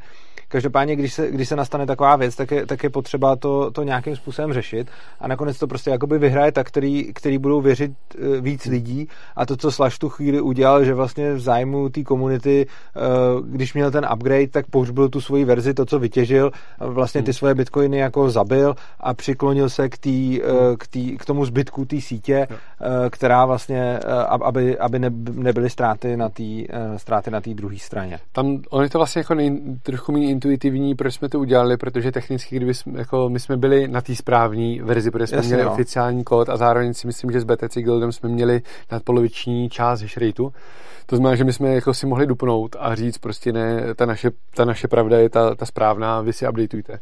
Ale tam bylo jakoby jasný, že eh, my jsme dva versus prostě tisíce no. uživatelů a že by to jakoby důvěru v tu síť poškodilo víc, než Jasně. když odepíšeme prostě ty svý, tu, tu, tu svou ztrátu. Eh, což mimochodem bych chtěl tady zmínit, eh, je, je to strašně dobrá věc, když se obecně diskutuje o anarchokapitalismu, o trhu a podobně, tak se neustále předpokládá, že jako mineři a podnikatelé a ty, ty velký hráči eh, budou prostě vždycky jednat pro svůj jako ekonomický prospěch. Já neříkám, že to tak eh, často nebejvá, ale občas řeknu, nemusí to tak být. Hmm. A tohle je konkrétní příklad toho, eh, kdy vlastně dva velký hráči, kteří měli eh, jako tu sílu a mohli si to prosadit, jednali v rozporu se svým momentálním ekonomickým prospěchem, což jim přineslo jednak to, že měli rádi tu komunitu, takže prostě nechtěli, nechtěli hmm. poškodit tolik lidí. A jednak jim to taky přišlo, myslím, dlouhodobě to, to bylo i pro vás dobrý, hmm. protože jednak jako lidi najednou jste si získali nějakou důvěru a nepoškodili jste tu síť, na který chcete, no. na který chcete fungovat. Eh, což mi připomíná otázku, která tady padla, myslím, Brandinka, nebo někdo se ptal eh, před nějakou už dobou, eh, co s 51% útokem. A já chci jenom k tomu říct, jako tyhle ty věci všechny jsou možné, ale v podstatě to potom znamená, že ty těžaři, kteří jako z toho profitují, si jako nabourají svoji vlastní živnost. Jo. Hmm. Čili oni, oni ty těžaři můžou udělat spoustu, spoustu prasáren, ale v podstatě to potom znamená, že, že, si, že si nabourají svoji živnost a tady jako vidíme příklad toho, jak vlastně největší těžař nebo dva největší těžaři udělali to, eh, že upozadili svůj momentální zisk proto, aby dál fungovala ta síť, eh, ta síť na který, na který existovaly. Jo. Takže tohle je, tohleto je strašně zajímavý příklad i z hlediska jako ankapu, trhu a podobně. Jako myslím si, že 51% útok eh, je jako reálná, reálná hrozba. Ostatně myslím si, že jeden, já už si nepamatuju jméno toho půlu, ale že jako krátkodobě i byl hráč, který měl eh, nad 50% hash rateu Každopádně jako racionálně uvažující miner, a teďka nemyslím ten pool a ten miner, prostě ten pool potom změní, protože no, jasně, no, je, je, v jeho zájmu je, aby to ta moc byla rozdistribuována. Eh, zase tady vysvětlení pro diváky. Eh, je to přesně to, o čem jsme mluvili na začátku. Ty, ty půly mají nějakou moc a v momentě, kdy si představíte, že budete mít mining pool, který bude mít najednou 51% té síly, tak těm uživatelům, kteří jsou v tomhle mining poolu, eh, protože chtějí, aby ta síť fungovala dál, se vyplatí prostě jít do jiného půlu, proto aby nikdo neměl tu většinu. Čili na tomhle tom, jako to je přesně ta ukázka toho, proč ty mining pooly jsou tak dobrý vlastně pro, pro, pro tu Eh, pro tu decentralizaci té sítě. Protože i když ten mining pool začne najednou mít většinu té sítě, tak jeho vlastní uživatelé ho přesně z tohoto důvodu opustí a půjdou do jiného, protože pro ně v tom není zase takový rozdíl a uh, vlastně nikomu nedají tu moc, takže tohle je vlastně jako moc krásný na rozdíl od voleb a od demokracie, kde tam hodíte ten hlas a pak čtyři roky to musíte vydržet, uh, tak tady vlastně v každý okamžik, když vidíte, že váš miner On ani nemusí dělat něco blbýho, on prostě stačí, aby byl moc velký nebo moc mocný a vy to hmm. nechcete, vy chcete, aby to bylo decentralizované. Tak prostě můžete okamžitě takhle jít a vzít svůj hardware a, a přejít k jinému. Takže tohle by bylo asi k mining poolům, mm-hmm. jestli, jestli to máme celý. A teď bychom se postupně dostali, uh, postupně dostali k další části. Já chci připomenout uh, divákům, můžete klást, můžete klást dotazy, bohužel uh, není v mých silách uh, zodpovídat všechny, zejména protože tady máme 421 diváků, což je, což je moc krásný, z toho mám radost. Eh, potom nám budete moc volat, to tady byl i dotaz, proč je tady tenhle ten repráček. JBL nás nesponzoruje, ale je to můj oblíbený repráček a eh, můžete nám, eh, můžete nám napsat na Skype a potom, když si s Tereskou nějak vykomunikujete, na co se chcete zeptat, tak nás případně může, případně nás může dát nám signál a přepojí nás do studia. A teď se budeme dostávat uh, pomalu k dalšímu tématu a to budou vůbec peněženky, adresy mm. a mhm. takhle. A než se tě začnu ptát na to, co jsi udělal a co, byla vlastně, co byl vlastně druhý obrovský český vynález a proč jsme vlastně, uh, proč jsme vlastně by, jako kryptoměnová velmoc, tak napřed uh, ty, když jsi měl ty původní dva počítače, z kterých jsi si přeposílal ty bitcoiny, mm-hmm. tak jsi měl prostě nějakou bitcoinovou adresu, jednu a druhou, mm-hmm. a mezi nimi si si nějak přeposílal ty bitcoiny, předpokládám. No to jsem použil no. normálně ten oficiální bitcoinový Přesně uh, tak. úzel s peněženkou. Tak, já jenom řeknu, ještě než k tomu, než k tomu začne říkat dál, bitcoinové adresy jsou, jsou taková věc, že to prostě si to můžete představit jako nějaký dlouhý řetězec znaků, je to prostě hash nějakého veřejného klíče a vy máte privátní klíč a ten privátní klíč, kdo ho má, tak může utrácet ty bitcoiny, které jsou na té adrese. Mm-hmm. Jo? A teď ti dám slovo k tomu, aby si vůbec uvedl diváky do problematiky. Máme tady spíš připomínky k tomu, že jsme moc odborní, takže to okay. zkus víc polopaticky. Okay. A uh, potom vlastně, co je peněženka a tak dále a rovnou ti potom dám nějaký dotazy, který tady k tomu tématu mm-hmm. máme. No, o, problém, problém celého držení bitcoinů je, že někde musí být uložené to tajemství, o, díky kterému manipuluju s tím, o, s tím účtem. A zatímco tradiční bankovní systém to má tak, že si prostě při založení účtu naskenují vaši občanku a vědí potom, že prostě tady pan Urza tady má ten účet a když, když zapomene přihlašovací údaje, tak může přijít na pobočku, ukázat občanku a obnoví se vlastně to, ten přístupový údaj. Tak tady žádná taková pobočka Bitcoinu neexistuje a je vlastně je vlastně problém, jak na, jako bootstrapovat, ale prostě jakým, jakým způsobem uložit ty, uložit ty přístupové údaje tak, aby k ním neměl přístup nikdo jiný než ten, než ten uživatel. To znamená, že, že alfou, alfou a omegou praktickým a pragmatický bezpečnosti v Bitcoinu je, že vlastně všechno na Bitcoinu je veřejný. Je to ten kód, je open source, dostupný ke stažení na, na GitHubu, blockchain, ve kterým jsou veškeré transakce od počátku věku ke stažení, k verifikaci, všechno je to online jako volně ke stažení. Jediný, co si ten člověk musí u sebe uh, uložit, uh, jsou ty privátní klíče, což je přesně něco, co ten počítač vygeneruje, uh, vygeneruje a co je vlastně ten, ten, to pří, ten přístupový účet, ten přístupový údaj k tomu, že přes, přes tu peněženku s tím přístupovým údajem potom manipuluje vlastně s těma bitcoinama. A tady se dostáváme k tomu, že počítače, tak jak je známe dneska, jsou vlastně navržený na to, aby byly co nejvíc online, co nejvíc propojený, co nejvíc sdíleli. A samozřejmě do doby Bitcoinu v podstatě člověk na svém počítači neměl žádný Eh, opravdu citlivé informace. Jo? Fotky z dovolený byly stejně na Facebooku. Eh, ve chvíli, kdy došlo prostě k ukradení eh, čísla karty, tak se karta zablokovala, banka transakce vrátila. To znamená, že běžný uživatel opravdu neměl nějaký velký důvod řešit bezpečnost svých počítačů. A podle toho to upřímně v té praxi vypadá, jo? že ty počítače jsou, jsou děraví. Když tam člověk nemá backdoor, tak si ještě navíc nainstaluje antivirus aby tam už nějaký měl konečně. A uh, prostě je to, je to hodně těžký uh, být, uh, mít vlastně zabezpečený počítač, aniž by člověk byl odborník na počítačovou bezpečnost. No, a, a i když je, tak ještě nemá nikdy jistotu, že, že se, že, že se jo, tak děje. Tak pak jsou, pak jsou jako znám, znám i lidi, kteří si koupí počítač z bazaru, rozeberou ho, odsvakají z toho všechny ledky, reproduktory, uh, mikrofony, uh, vycvakají z toho vole, uh, Wi-Fi moduly, Bluetoothy, všechno a prostě udělají si uh, peněženku z takového osekaného laptopu, který s ničím nemůže komunikovat. Ale to asi člověk nemůže chtít úplně po no, každém no, jako po běžném uživateli. To znamená, to znamená, že vlastně z mýho pohledu, nebo i statisticky, nebo z pohledu pravděpodobnosti, nejslabší místo celého Bitcoinu je samozřejmě ten lidský prvek a to, jestli si ten člověk dokáže tu peněženku zabezpečit nebo ne. A já jsem tady na to hodně narážel, narážel když jsem vlastně začal, začal být tady nějak eh, v Čechách víc, víc aktivní, víc se začalo o Bitcoinu mluvit. Pamatuju si na uh, reportáž pro českou televizi, kde jsem mluvil o Bitcoinu, kde jsem, se, kde jsem jim té paní reaktorce říkal, hlavně se neptejte na, na drogy a na dark markety. Tak samozřejmě se mě ptala hlavně na drogy a na, na dark markety. Jasně. A uh, samozřejmě začalo to být v Čechách nějakým způsobem populární a lidi se na mě často obraceli, kdy koupit Bitcoin potraviny a jak se zabezpečit. A já už jsem měl takový povídání na jetý, jak, jak si koupit USB disk, stáhnout si na to, nainstalovat si na to Linux, do toho si nainstalovat Electrum, jak si zazvalovat Electrum, jak si vždycky přes dual boot eh, ze svého hlavního počítače nabootovat ten, tu, tu flash, eh, ten flash disk s tím Linuxem, jak se tam všechno dělat. No a samozřejmě postupně, ze začátku to ty lidi jako chápali, ale postupně začali chodit lidi, kteří už to, to už nechápali. Jasně. A tam jsem jako viděl... Což je mimochodem super. Eh, čím víc jsme jednoduchý a čím hmm. víc ta sítě je přístupná, jako, že vlastně když chodí ty lidi, co už vůbec tohle nechápou, tak, tak to je skvělý. No.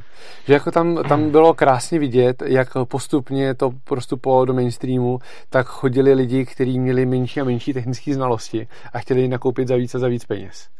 Takže to šlo jako docela proti sobě a já jsem z toho začal být už docela nešťastný, protože jsem prostě viděl, že, že ty lidi, že je velká pravděpodobnost, že ty lidi o to jakoby přijdou. Jo. To by pak typy, uh, prostě případy uh, typu člověk zapomněl, že měl na počítači uh, Bitcoinovou peněženku, přeinstal, přeinstaloval Windows a, a, a nazdar. A prostě to jsou věci, které jako mě docela mrzely a přemýšlel jsem vlastně, co s tím, co s tím uh, udělat. Mimochodem, já bych k tomu dodal jenom jednu věc. Eh, občas přesně za mnou chodí, eh, chodí lidi s podobnýma věcma. Teď nedávno za mnou někdo přišel, že ztratil 20 bitcoinů, který si hmm. uložil někam na internet. Každopádně to, co jsem k tomu chtěl říct, je, často mi bývá, často bývá jako vyčítáno bitcoinu, že se s tím potom nedá nic dělat. Jako občas s tím něco udělám, ale často jim řeknu, hele, tady už jsme v momentě, kdy hmm. jako vím, že to nejde prostě. Hmm. A ty lidi řeknou, to je na prd, oproti tomu bankovní účet tam to vždycky jde. A oni mají pravdu, ale ona je to zároveň ta výhoda toho bitcoinu, protože v momentě, kdy to vždycky jde, tak to potom znamená, že existuje někdo, kdo to může udělat tam, ale taky zpátky a můžu vám ten účet obstavit a můžu vám cokoliv udělat. Ten důvod, proč v bitcoinech jsou ty momenty, kdy vám řeknu, hele, to nejde už, s tím už nehnem, to prostě je, jako můžete přijít za kýmkoliv na světě a on vám už máte prostě smůlu. Hmm. Tak ono to zároveň znamená, že ale když ten, když ty bitcoiny potom držíte, tak je to ten samý způsob. Taky nemůže přijít nikdo na světě a má prostě smůlu. Hmm. No, tam samozřejmě jako tady, tady mluvím o té o tý, uh, jako stění stránce, ale ta, jako stí, ta světlá stránka je, že to vlastně dává člověku opravdu plnou kontrolu nad, nad tím účtem a nad těma, nad těma prostředkama. Že v podstatě ve chvíli, kdy má člověk peníze bance, tak nima, uh, oni, oni, to, oni tomu i tak jako hezky říkají, že, že přístupové právo, nebo jako d- dispoziční právo. Jo, jasně, no. Že nejsem majitel těch peněz, ale mám právo s nimi disponovat. disponovat. ano. A o to právo samozřejmě člověk může jako velmi snadno přijít, o co jsme se při, při, jako několikrát v historii jako přesvědčili. přesvědčili. Na, naposled, nebo nevím, jestli to bylo naposled, ale taková velká, velká vlna byla ve 2013, bylo na Kypru. Na Kypru, přesně. Jo, tam, o, tam zdanili Aha. účty. Na 100 tisíc eur, tuším. No, jak 30%. 30% no, taky, že, že, prostě vzal, že prostě na Kypru normálně hmm. 2013, já nevím, jestli to 12 nebo bylo, myslím 13. No, každopádně 2013 něco takového, tak prostě vzali na Kypru normálně lidem peníze z banky, čus, jako máš to hmm. moc peněz, se daní. Takže uh, tohle se jako s Bitcoinem nestane protože prostě k těm penězům reálně jako nikdo nemá přístup a samozřejmě, když ten přístup jako ztratíš, tak ho pak nemáš ani ty a nedovoláš se. Ještě si dovolím, kdo, koho to zajímá, tak se můžete podívat na Mises.cz, kde jsem o tomhle kde jsem o tomhle psal nějaký články, takže když se podíváte jo. na Mises, tak se tam můžete o tom hmm. dočíst. Hmm. Pokračuj. Takže uh, jakoby tohle byl reálný důvod, proč, uh, proč jsem jako uvažoval, že tou dobou už prostě půl, půl frčel, dělalo to, to, co, to, co mělo, ale vlastně přesto jsem se uh, potkával s jako více a více lidma v tom jako fyzickém světě a začal jsem zjišťovat, že těch dílků v té infrastruktuře Bitcoinu vlastně chybí jako víc a že, že je potřeba nějak pofixovat i, i to, to držení a tu manipulaci s Bitcoinama.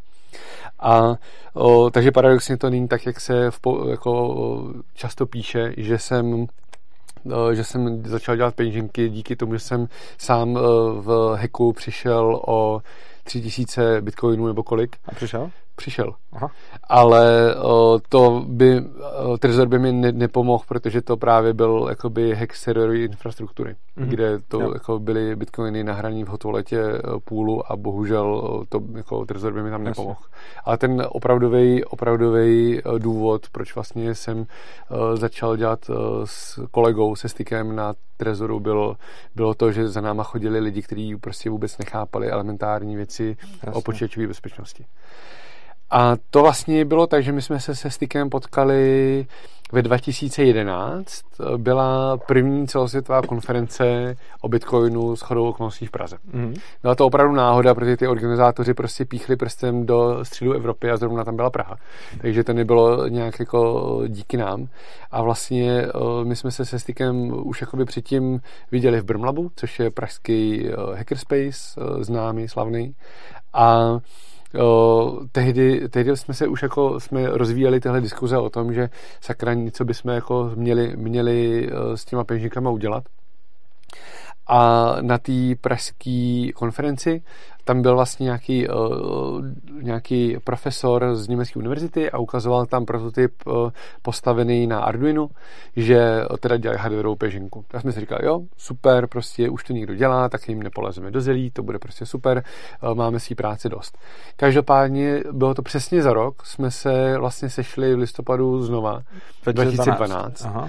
a zjistili jsme, že ten effort umřel mm-hmm. a že jak všechny, že všechny další pokusy, které někde jsme našli na internetu, že byly vlastně uh, hrozně jako naivní, jo, že to bylo i z nějakého inženýrského pohledu prostě naivní, špatně udělaný, nedostatečný hardware, špatný, prostě špatná specifikace, úplně špatný přístup k tomu.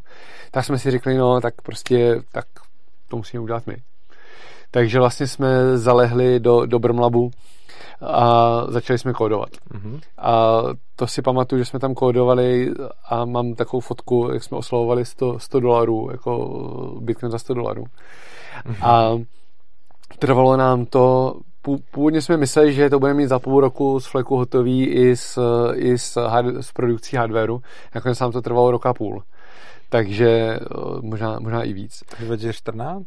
2000, no, v srpnu 2014 jsme to začali opravdu jako prodávat, jakože prodávat. Tak teď mi prosím tě hlavně divákům vysvětli, eh, co vůbec taková peněženka, vůbec peněženka, napřed, napřed než se hmm. dostaneme k tomu k hardwareové peněžence, hmm. tak vůbec vysvětlit, co je vlastně peněženka. Jo.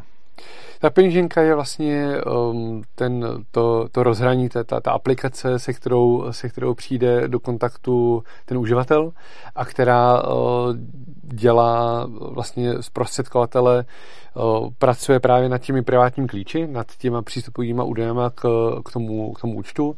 Pracuje samozřejmě s uživatelem, to znamená nějaký, nějaké požadavky na, na odeslání peněz, na, na, na příjem peněz a tak dále. Plus je napojená nějakou formou na blockchain, to znamená, že vidí vlastně ty zůstatky, tu transakční historii a, a ty nové transakce, které v té síti jsou.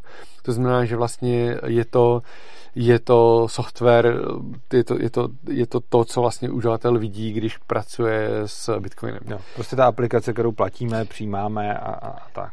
A těch, těch eh, typů peněženek může být jako hrozně moc. Eh, ty úplně nejzákladnější, nejhloupější, nejnebezpečnější jsou webové peněženky. To je v podstatě, to funguje jako, jako banka, že prostě někdo má, eh, někdo drží ty bitcoiny a má, má napsaný databázi, komu jaká část těch bitcoinů náleží a vy se, vy máte normálně nějaký přihlašovací údaje, jdete na, na nějaký web a tam věříte, že když je napsaný, že, že Urzo, tady máš prostě půl bitcoinu, že opravdu to, máš půl, bit, půl, půl bitcoinu. bych jenom dodal, co si spousta lidí neuvědomuje. Tohle v podstatě aspoň z mýho pohledu maže úplně všechny výhody, který, který Bitcoin člověku jako dává. Jo. Čili jako Bitcoin je úplně úžasný vynález, kdy můžete prostě držet své peníze, nikdo vám je nemůže vzít, máte na něma plnou kontrolu. Hmm. A když si je uložíte do takovéhle webové peněženky, tak to, to, to už můžete mít účet v bance. To už není o nic lepší. Myslím, potom. že to je mnohem horší. Je to horší vlastně, jo. Takže prostě jako vlastně, vlastně je to taková kombinace všech nevýhod, všech hmm. možných systémů. A v podstatě pokud si svoje bitcoiny uložíte někam do takovéhle webové peněženky, eh, tak vlastně nemusíte, jako aspoň podle mýho názoru, nemusíte vůbec používat bitcoin. A jediný, kde to dává nějaký ospravedlnění, je, když ty bitcoiny potřebujete mít na burze a potřebujete s nimi furt jako obchodovat, tak hmm. potom je nemůžete zároveň hmm. úplně dobře držet, protože potřebujete okamžitě dělat všechny ty, všechny ty operace proto to třeba nedělám, protože, uh, mě, mě, protože mě to nedává úplně smysl, abych si vzal takovýhle skvělý peníze a potom je uložil někam, kde vlastně jako přijdu o veškerou, jako o všechny jejich výhody. To jsem právě chtěl říct, že jako nejtypičnějším eh, zástupcem těchto webových peněženek jsou právě burzy a směnárny, kde o, eh, doporučuji teda silně, dokdy člověk s těma penězma tam aktivně nechce pracovat, typu nakupovat, prodávat a tak, tak eh, ať je tam nemá. Protože ta historie vykradených, eh, zmrazených eh, burs je tak dlouhá, že bychom tady byli asi hodně dlouho. Jenom uh, jsme se bavili o, o, těch, o těch hecích. Samozřejmě nej, nejznámější uh, legendární hack burzy MTGOX uh-huh. uh, ve 2012 to mohlo být? Možná 13, nevím. Tak uh, tam zmizelo, tam zmizely stovky tisíc bitcoinů. Já myslím, že 600, nebo možná 800 tisíc bitcoinů. Ten příběh byl trošku složitější. To znamená, to jako byla obrovská hra pro ten ekosystém, protože samozřejmě jakýkoliv tak, takhle, takhle dominantní hráč nebo takhle dominantní držitel těch bitcoinů potom, když o ty peníze přijde, tak to samozřejmě může zahýbat s tou důvěrou v ten systém jako takový. To znamená, že mít bitcoiny a nevyužívat vlastnosti e, decentralizace znamená jako dělat to špatně. Já bych se tady zrovna chtěl zeptat, e, zrovna tady bych přečet dotaz jednoho z podporovatelů, ale on koukám se mi bohužel ztratil, protože ten chat se, ten chat se nějak ztratí, takže já k němu nemůžu, a já se pamatuju. jeden z našich podporovatelů se ptá, jestli dává smysl nebo jestli je rozumný držet svoje bitcoiny na revoluce. No, na revoluce nedržíte svoje bitcoiny, protože tam žádný svoje bitcoiny nemáte. Eh, Revolut díky tomu, že vlastně eh, neumožňuje ani eh, přijímat, ani odesílat bitcoiny, tak je to v podstatě derivát kvotovaný jako cenově na, na bitcoin, ale samotný bitcoin to není. Ano. Takže jako pokud chcete vysloveně spekulovat a nechci se vám jakoby s ničím moc o, s ničím moc jako za, zatěžovat. Já upřímně nevím z hlavy, jaký tam jsou poplatky, jestli to je rozumný nebo to není rozumný. Tak samozřejmě jakoby můžete nakupovat na Revolutu, ale je to to samé, jako kdybyste měli účet prostě někde na, na nějaký akciový burze a kupovali o, derivát na Bitcoin. Jo? Tak. Jako nesouvisí to spolu. Jasně. E, já bych teď jenom zase pro diváky připomněl, e, můžete mi klást e, otázky do chatu, bohužel koukám, že ten chat vidím jenom do nějaký doby a pak se mi začnou ztrácet, takže bohužel beru jenom, jenom nějaký z nich. Samozřejmě pokud jste podporovateli svobodného přístavu, eh, tak vaše dotazy se snažím, snažím brát, nějak, eh, brát nějak přednostně. Eh, někdo tady psal do chatu nějaký příklad bitcoinové adresy, tak chci jenom připomenout, že jeden z příkladů bitcoinové adresy najdete v popisku videa, na který můžete rovnou poslat donate, pokud se vám, pokud se vám tohleto video líbí. A teď se, teď se teda bavíme o peněženkách mm-hmm. A e, ty si teda vyrobil hardwareovou peněženku, která oproti všem předchozím peněženkám měla jakou, jakou výhodu? No vlastně ta hardwareová peněženka je samostatný počítač. Eh, má to normální procesor, paměť, display, nějaký uživatelský vstup, v našem případě to byly dvě, dvě tlačítka.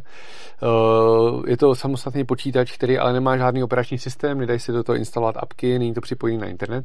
Je to vlastně eh, jednoúčelový počítač, který dělá přesně to, co má, a to je, že umí zpravovat nebo dělat nějaké operace nad těma privátníma klíčema pro možnost přijímání a posílání bitcoinu. A hlavní, hlavní vlastnost toho je, že ten kód je open source, podobně jako, jak jsem mluvil o těch bitcoinových principech, a ten kód je hlavně natolik jednoduchý, že je snadno auditovatelný. Plus tady k tomu mám jednu jako IT připomínku.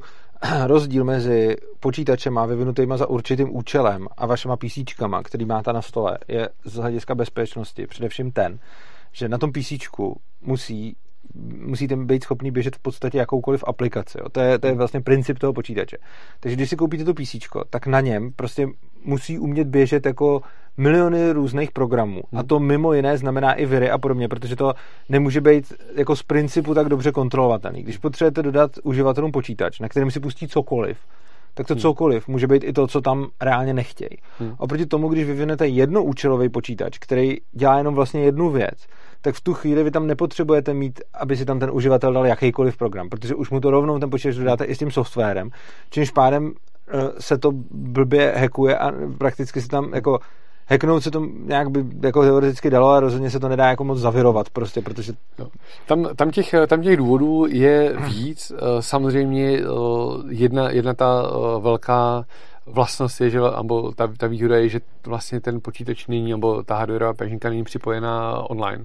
To znamená, že prostě je tam, je tam jako ta první linie obrany, že to prostě jako nekomunikuje s internetem. Ten protokol mezi tou hardwareovou peněženkou a tím počítačem nebo mobilem je opravdu velmi striktní, velmi striktně definovaný. Nedá se tam nahrávat jen nějaké věci.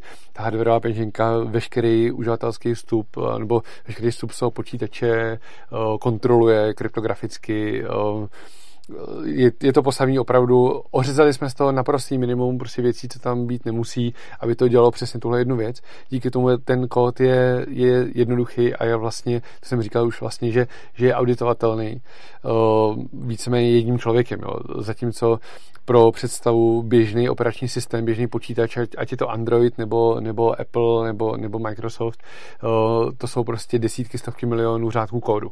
To je prostě nereální, aby to jeden člověk eh, za svůj život přečet, na tož pochopil, na tož v tom něco jako našel. A eh, to jsou naprosto jako praktické věci, které se dějou. Můžu dát k dobru jednu, jednu vtipnou, smutnou historku, eh, taky už je to pár let naspátek, kdy právě Mycelium, což je peněženka pro Android, používala pro generování těch privátních klíčů systémovou funkci Androidu, která v sobě obsahovala do té doby neznámou chybu, a za určitý konstelace se dělo to, že to generovalo stejné, stále, stejné náhodné číslo. A. To znamená, že Eh, kombinace určitých, eh, určitých Androidů s určitým myceliem eh, vedlo k tomu, že když si člověk stáhnul, stáhnul čerstvou peněženku z Google Play, tak se mu tam objevily bitcoiny, nikoho jiného. Hm.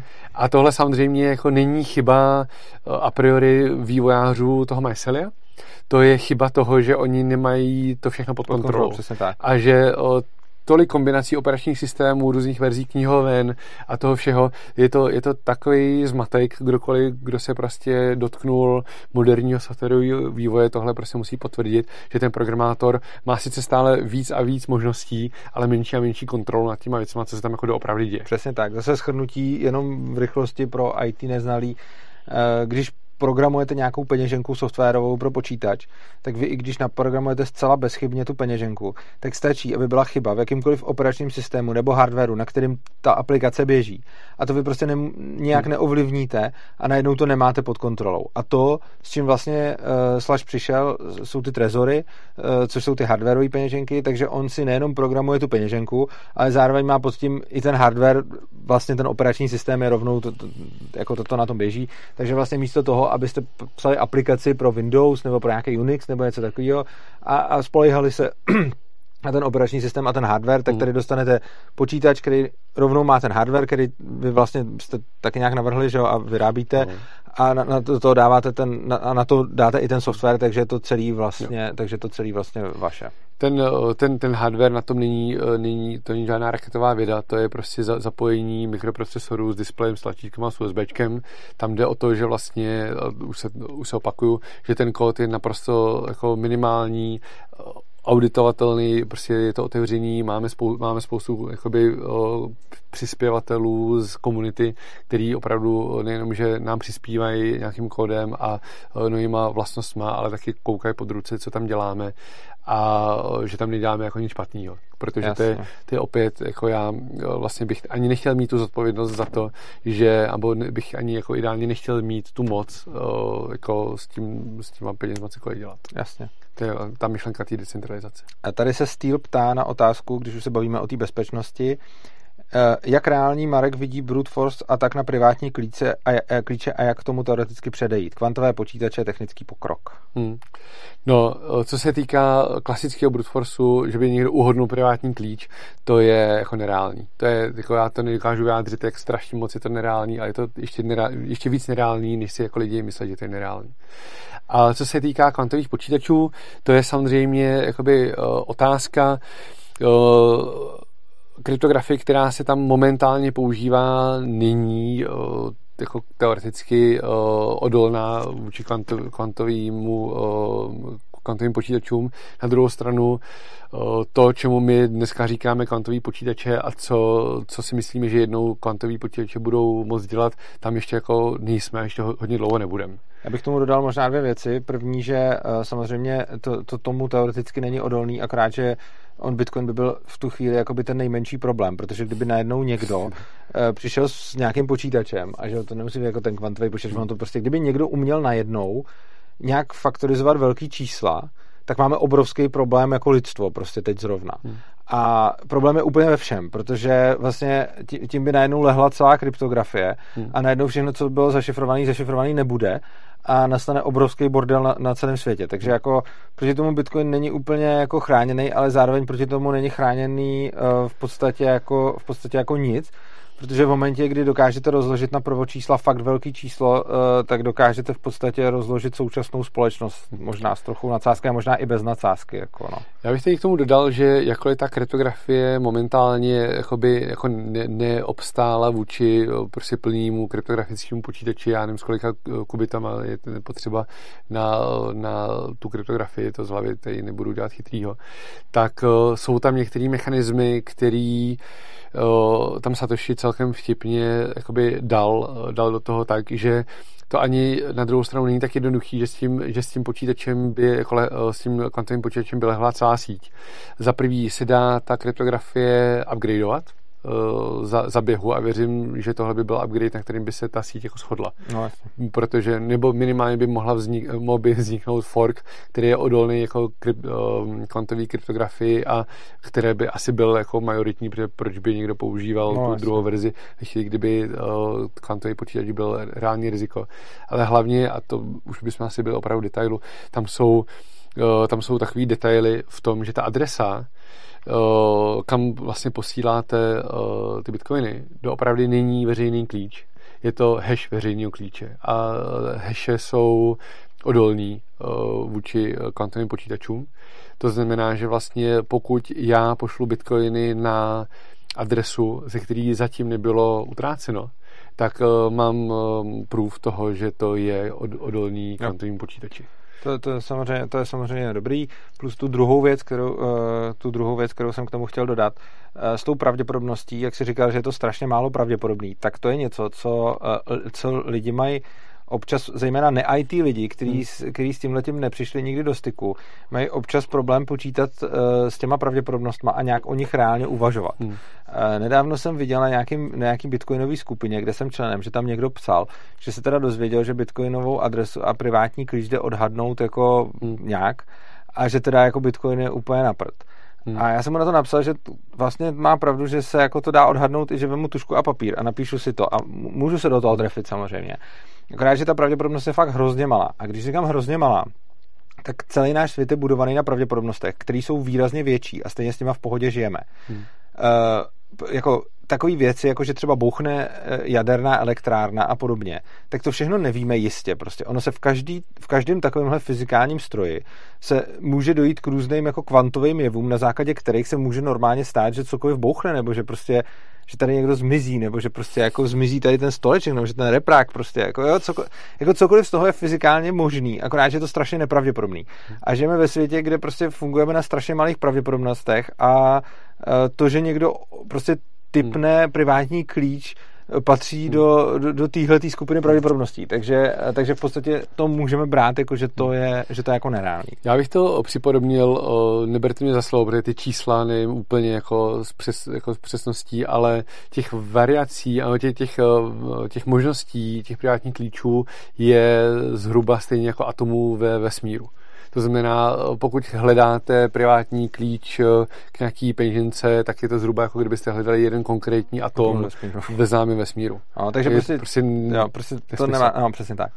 Uh, pak bych se ještě chtěl vrátit k jedné věci, než se dostane zase k peněženkám. Před chvilkou tady v diskuzi probí, uh, v komentářích probíhala diskuze na téma uh, počet bitcoinů. Uh-huh. A byli, psali tam lidi prostě, ztrácejí se bitcoiny samozřejmě pořád, protože uh-huh. lidi zapomínají peněženky a potom tam se někdo divil, že jich je teda omezený množství. Uh-huh. A pak jsou námitky a tyhle ty námitky slýchám i mimo, mimo, mimo ty komentáře, kdy prostě lidi říkají, hele, bitcoinu je nějaký teda omezený počet a to je na prd, protože časem jich bude prostě málo. No. A tohle to je spíš, eh, tohle to je spíš jako, nevím, jestli k tomu chceš něco, něco říct, protože to je spíš ekonomická odpověď na to. To je asi ekonomická odpověď, asi bych neřekl, jako je, je, to, je to možný, no? jako, že se jich ztratí hodně, no, ale jako ničemu já bych přesně tak, to ničemu to nevadí z důvodu, a tohle to je podobný, jako tady udělám takovou malou odbočku, protože úplně stejný argument občas dostávám od odpůrců zlatého standardu, který říkají, a to je takový úplně neekonomický a nesmyslný argument, že na to není jako dost zlata. E, žádný počet zlata není jako málo. Samozřejmě, jako když by ho bylo jedno zrníčko, tak to je málo, protože už se o ně jako nepodělíme, ale je nesmysl, že, počet, že, že zlata je prostě málo. Úplně stejně tak je nesmysl, že bitcoinu je málo, protože je jich 21 milionů max, ale i kdyby jich byl milion max, nebo prostě čtvrt milionu max, tak ono to na věci vůbec nic nemění. Ono prostě se budou dál dělit a budou mít o to větší hodnotu. Hmm. Takže prostě, kdyby tykon máme, bude, můžeme, nebo hypoteticky můžeme mít 21 milionů bitcoinů, to je jako maximální strop, ke kterému to může teoreticky dojít. A řekněme, že by jich teda nebylo 21 milionů, ale že by bylo 210 milionů, no tak ono to k ničemu nepomůže. Ono prostě to, co by stálo jeden bitcoin, by potom stálo 10 a je to úplně stejný. Hmm. A když bychom neměli 21 milionů, ale měli bychom 2,1 milionů, tak je to úplně přesně stejná situace, jenom všechny ceny budou prostě desetinový. Hmm.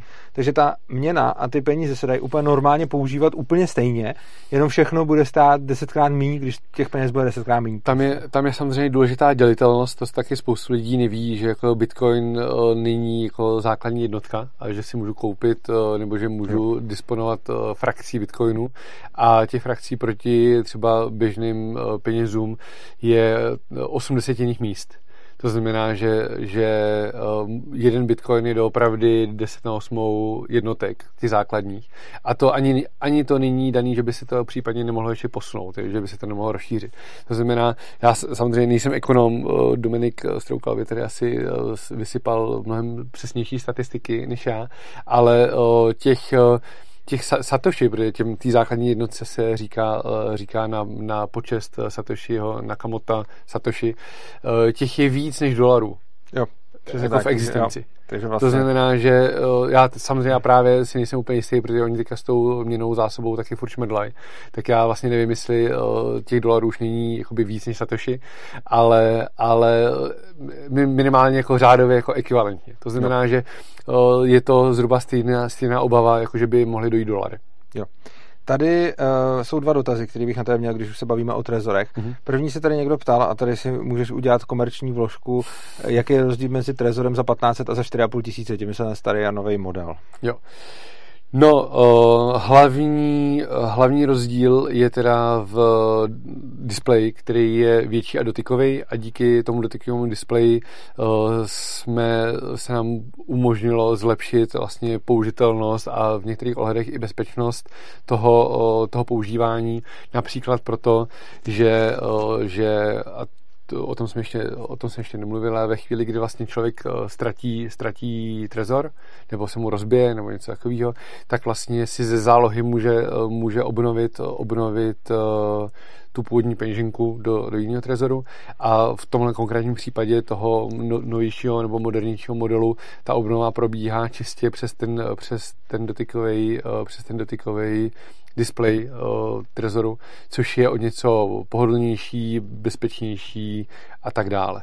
To znamená, že uh, ten uh, první model je stále Uh, super entry varianta. Já osobně se přiznám, že používám uh, ten, ten starší, protože mi víc vyhovuje ten form factor, že to mám prostě tady v kapse a i se s, uh, s Trezorem přihlašuju, přihlašuju do počítače, prostě používám to i na jiný než kryptoměnový užití.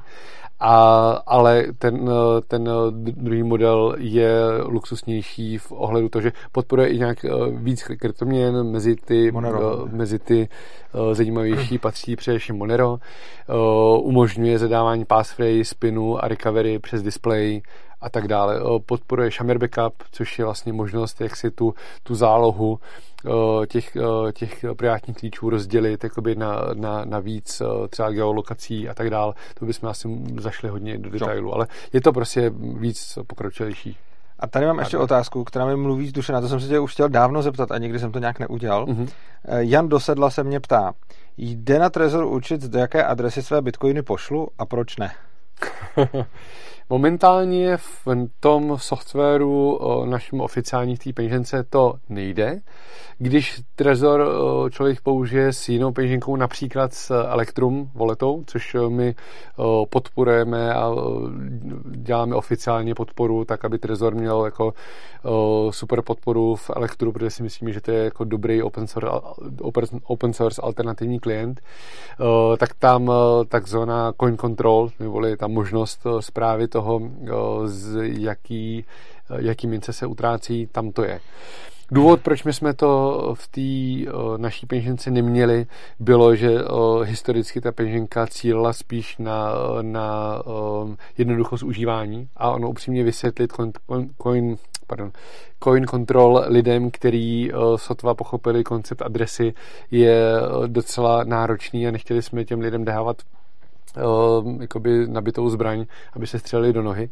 Každopádně, uh, a teďka to bude teda uh, komerční vložka, uh, minulý týden jsme vydali uh, do, do public bety, to znamená nějaký, nějaký jako veřejný testování, uh, novou peněženku, tu softwarovou, to, to vlastně, co běží na počítači a to, co komunikuje s Trezorem, uh, která, uh, kde už jako počítáme s tím, že tam, zatím tam coin control momentálně není, ale plánujeme, že tam právě tyhle pokročilé funkce dávat budem.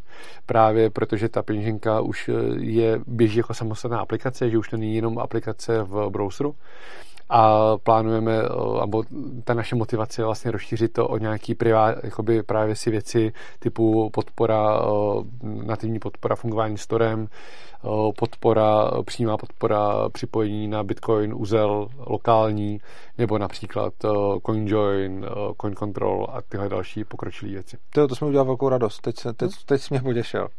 Takže brzy, brzy ve vašich kinech. Přesně tak. A tady se ptá Steel, ještě než se posuneme dál, protože to mi přijde velice dobrá, velice dobrá otázka. Dokáže, dokáže Marek laicky vysvětlit, jak probíhá proces od vytvoření sídu k privátnímu klíči, veřejné adrese a hashi? Dřív jsem myslel, že slova k trezoru jsou privátní klíč. Tu poslední větu jsem tam přešel, přečet, aby si věděl, jak moc laicky, protože občas rozumím, zabíháš rozumím. do Jo, jo, já se snažím, ale stále, se mi, to, stále se mi to úplně nedaří. No, jo, je to, je to o tom, že ty slova, co Trezor uh, vám ukáže jako zálohu, uh, nejsou v pravém slova smyslu privátní klíče, tak jak uh, jsou chápaný Bitcoinovou sítí. Ale je to, je to vlastně je to náhodný řetězec nebo náhodný data, který vygeneruje Trezor ve spolupráci s počítačem, aby tam vlastně nebyl, aby tam byla nějaká garance, že i třeba kdyby Trezor byl, byl cinknutý, takže počítač do toho dá nějakou část svý náhodnosti. Takže vlastně eh, při vytvoření té peněženky se vytvoří dostatečně dlouhý řetězec náhodných znaků, který se podle algoritmu, který je zadefinovaný v open source standardu BIP 39, převede do sledu 12 nebo 24 eh, anglických slov. A to je to, co se vlastně uživateli ukáže na uh, displeji jako, jako záloha trezoru. To, když si člověk opíše uh, na kus papíru nebo do kryptostýlu nebo prostě kam, kamkoliv a přijde o trezor, uh, tak si může se znalostí těchto slov znova obnovit ten stav a tu svou peněženku do jiného zařízení, nebo dokonce i do, do Elektra, nebo do, do nějakých jiných bitcoinových peněženek mobilních, které podporují vlastně stejný, stejný ten protokol, stejný ten standard. A potom když se tyhle slova dostanou do té do tý peněženky, ať je to Trezor, Electrum, Mycelium, cokoliv, tak vlastně se, já nebudu zacházet do, do nějakých detailů, ale v podstatě za pomocí, za pomocí hashovací funkce se, se tady z, z toho řetězce a potom nějakého počítadla generuje že, že, se, že se vlastně zahyšuje eh, ty, ty slova, nebo prostě ta, ta entropie získaná z těch slov s, s nějakým rostoucím eh, číselníkem a po každé, eh, s každým číslem z toho vypadne díky vlastnosti hashovací funkce, z toho vypadne nová pseudo, pseudonáhodná, no, nový pseudonáhodný řetězec, který už se použije jako privátní klíč. Tohle super, to mi přišlo i velice jednoduchý, no. takže, to, takže to, je, to je moc pěkný. Jediný, co bych tomu dodal, je, že CryptoSteel, může říct, co je CryptoSteel? CryptoSteel je vlastně uh, taková ocelová krabička, do které si můžete uh, uložit, uh, uložit právě tyhle slova uh, takým způsobem, že to je ohnizdorný, nekoroduje to uh, a tak dále.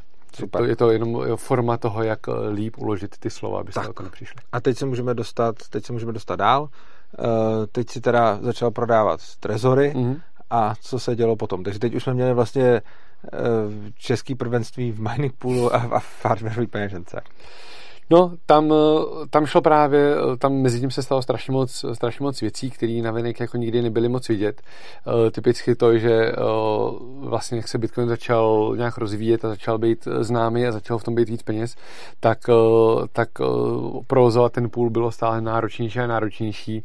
Uh, byly tam všelijaký DDoS útoky, hacky a tak dále. Už jsem naznačil, že jsem tam přišel i o nějaký peníze, kde vlastně, kde vlastně s kompromitováním té serverové infrastruktury, kterou jsem měl v pronájmu, eh, tam eh, prostě se útočníci dostali k záloze eh, té hot wallet, to znamená té peněženky, ze který vlastně, nad, nad kterou operoval, operoval půl.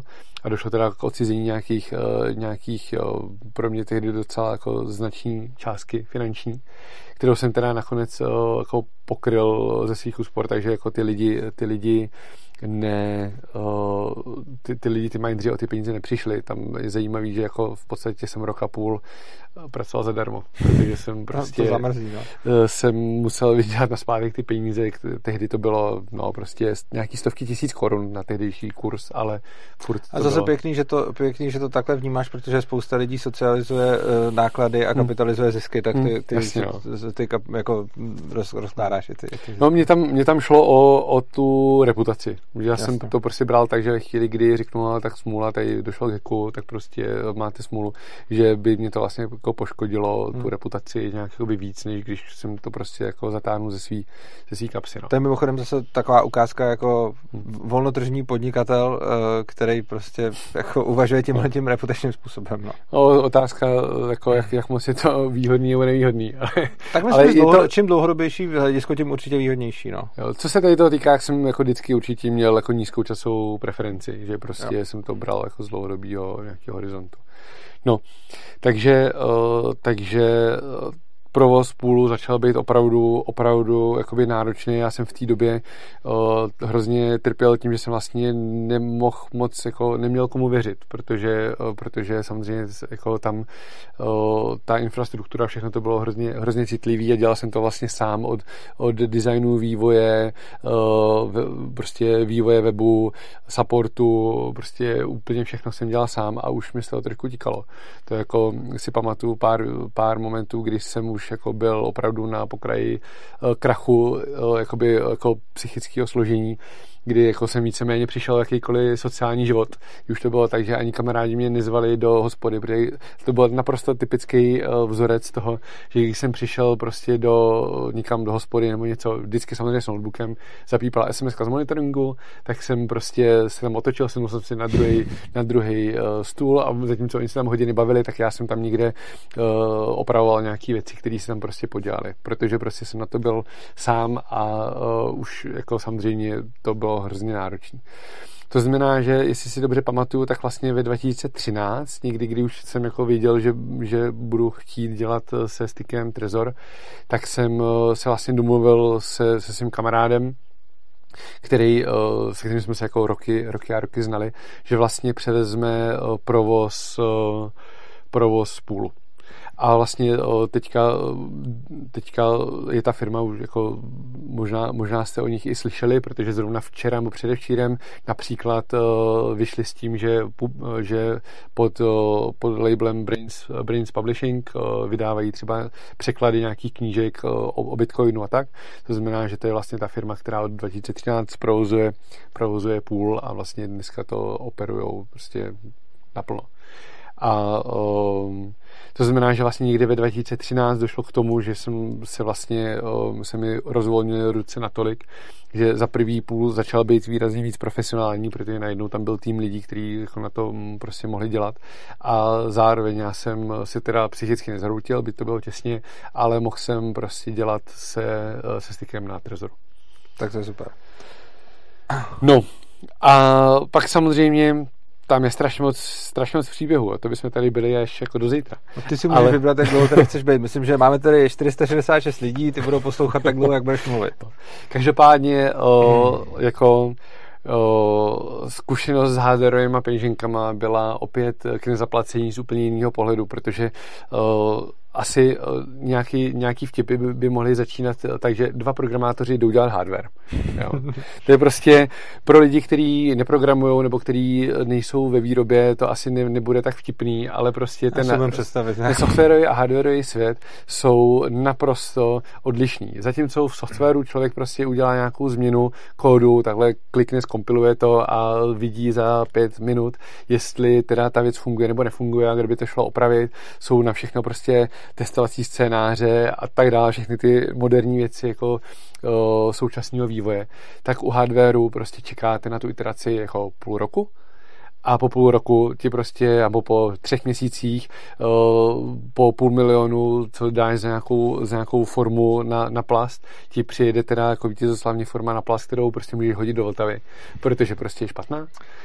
No, to je něco, Takže... jako když to dělali ty, ty programátoři na těch dělených štítkách, že jo, tehdy, tak ty no. si to tam vyděrovali, pak to nechali celou noc chroupat a pak zjistili, a ah, něco no. tam. Ale jako, jako o, dovedu si, si vžít do té frustrace, ale furt tam nebylo půl roku. No, to je no. Takže, takže tam, tam to pro nás byla obrovská škola jako pokusů a omylů, včetně teda nějakých jako dodavatelských vztahů a tak, protože jsme byli se stykem oba dva jako softwarový opravdu a jako z takového jako nerdy, nerdy světa.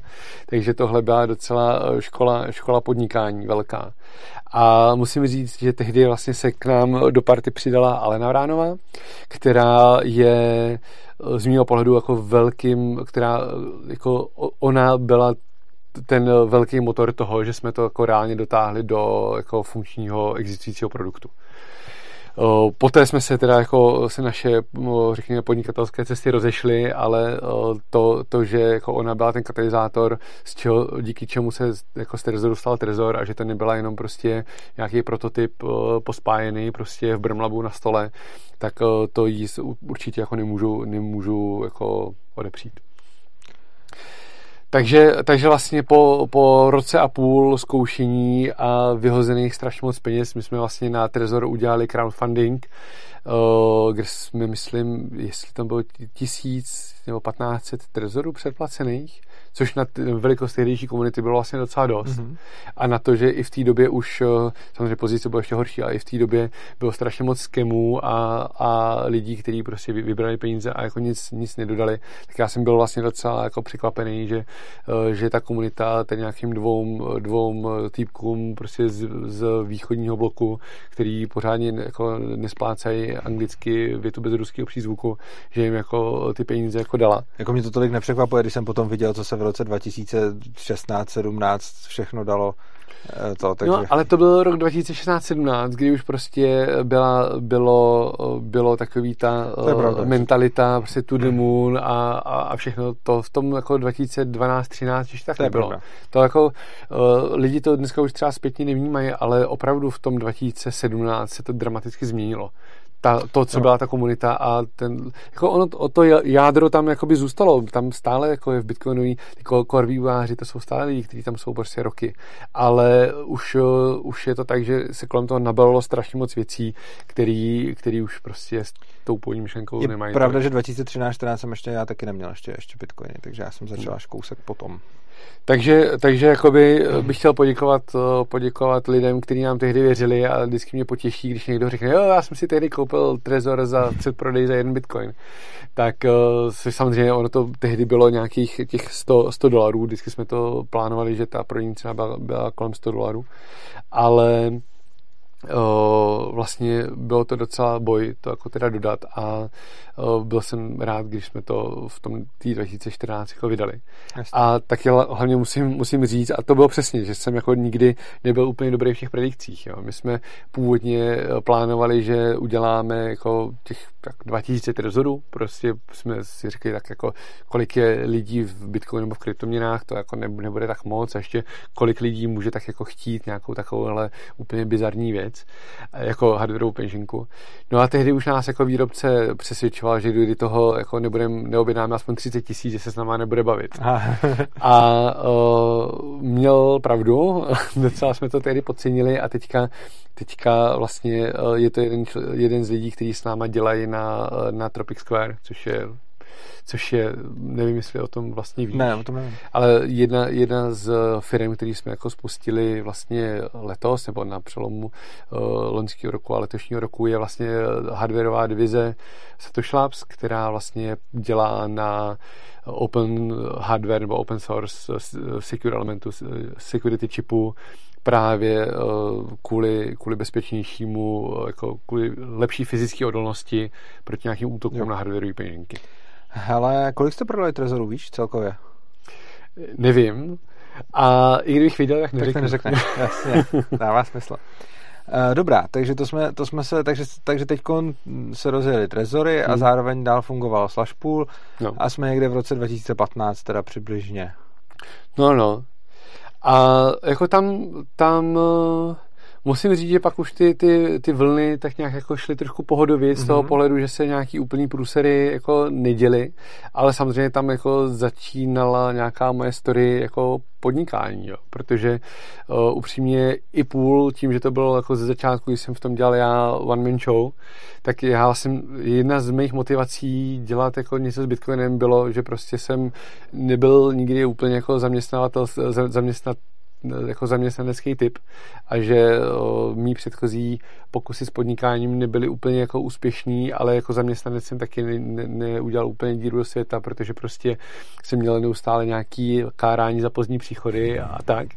Tak o, já jsem si právě říkal, že jo, super, super, prostě o, jsou tady kryptoměny, je to, jako baví mě to, evidentně prostě o, uživit se tím jako taky dá, že jo, mining, prostě půl, všechno, nějak to jako, nějak, nějak to šlapat bude, tak jsem, tak jsem jsem šel dělat kryptoměny, ale o, ta motivace byla, že jako budu sám na sebe a budu prostě o, živnostníček, co si tady bude něco lepit o, na počítači, bude, bude ho to bavit a bude to hrozně jednoduchý. Že?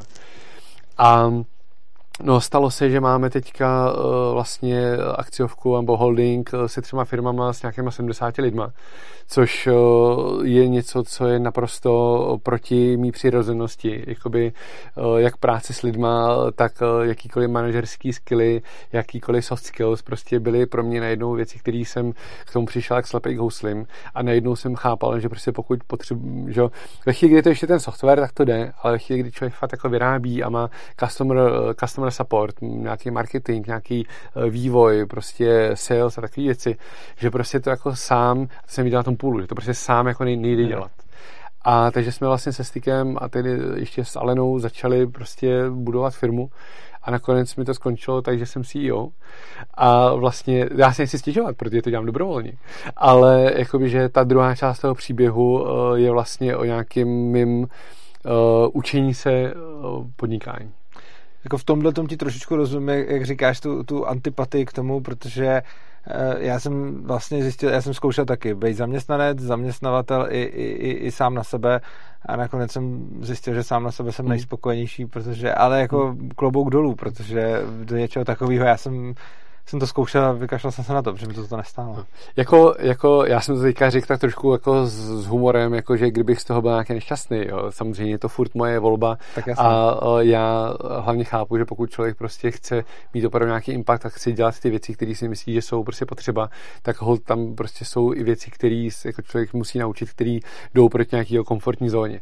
Ale musím říct, že před deseti lety, když jsem tady s tou celou, s tím celým dobrodružstvím začínal, tak mě vůbec nenapadlo, jakým směrem se to vyvine no, a že vlastně, eh, že vlastně nakonec eh, budu se učit, jako, že mě Bitcoin dožene až k tomu, že budu řešit prostě soft skills a řízení lidí. No, no skvělý, tak jako je to super, je skvělý, že, že, že se do toho, že se do toho dal zrovna ty, protože potom nakonec to mělo na, i na ten celkový bitcoinový svět docela, aspoň za mě pozitivní dopad. A chtěl bych se zeptat, co potom vlastně dál, jako jednak v tvém světě, tvých firm, bitcoinovém hmm. světě celkově, když se posuneme dál do nějakých, pak, pak tam začaly ty obrovský, pak to začalo být strašně známý, že jo, teď jsme hmm. někde 2015, 16 nebo tak a pak hmm. začaly ty, pak začaly ty obrovský, uh, takový ty obrovský to the moon, že jo?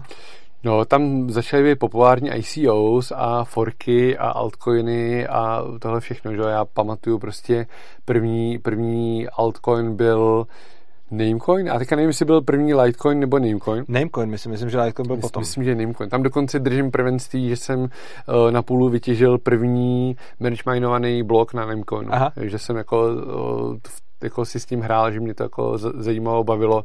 To, co potom přišlo později, prostě toho šílenství altcoinový a ICO šílenství a DeFi šílenství a tohle, upřímně mě to nechává trochu chladným protože jako ta, ta mise, kterou já tam mám, nebo to, co mě prostě, co se mi vykrystalizovalo za ty roky, a jak říkám, já jsem z začátku uh, taky jako se v tom hledal, že je vlastně k nějakému ankapu nebo k nějaký takový politickému smýšlení jsem došel vlastně až díky Bitcoinu jako později. Že... Mimochodem to je ta jedna otázka, vlastně jo. byly dvě. První, jestli jsi anarchokapitalista a druhá, jak jsi k tomu došel, takže jo. můžeš... jo, jo. Já jsem jako podle mě byl vždycky, vždycky ankap, jen jsem to neměl pojmenovaný. A že vlastně přes Bitcoin a právě přes ty všelijaký ekonomický a politický fora na Bitcoin Talku jsem vlastně čichnul do komunity lidí a vlastně jsem si řekl, jo jasně, tohle je přesně to, vlastně to je ten můj světonázor, jen tady je pojmenovaný.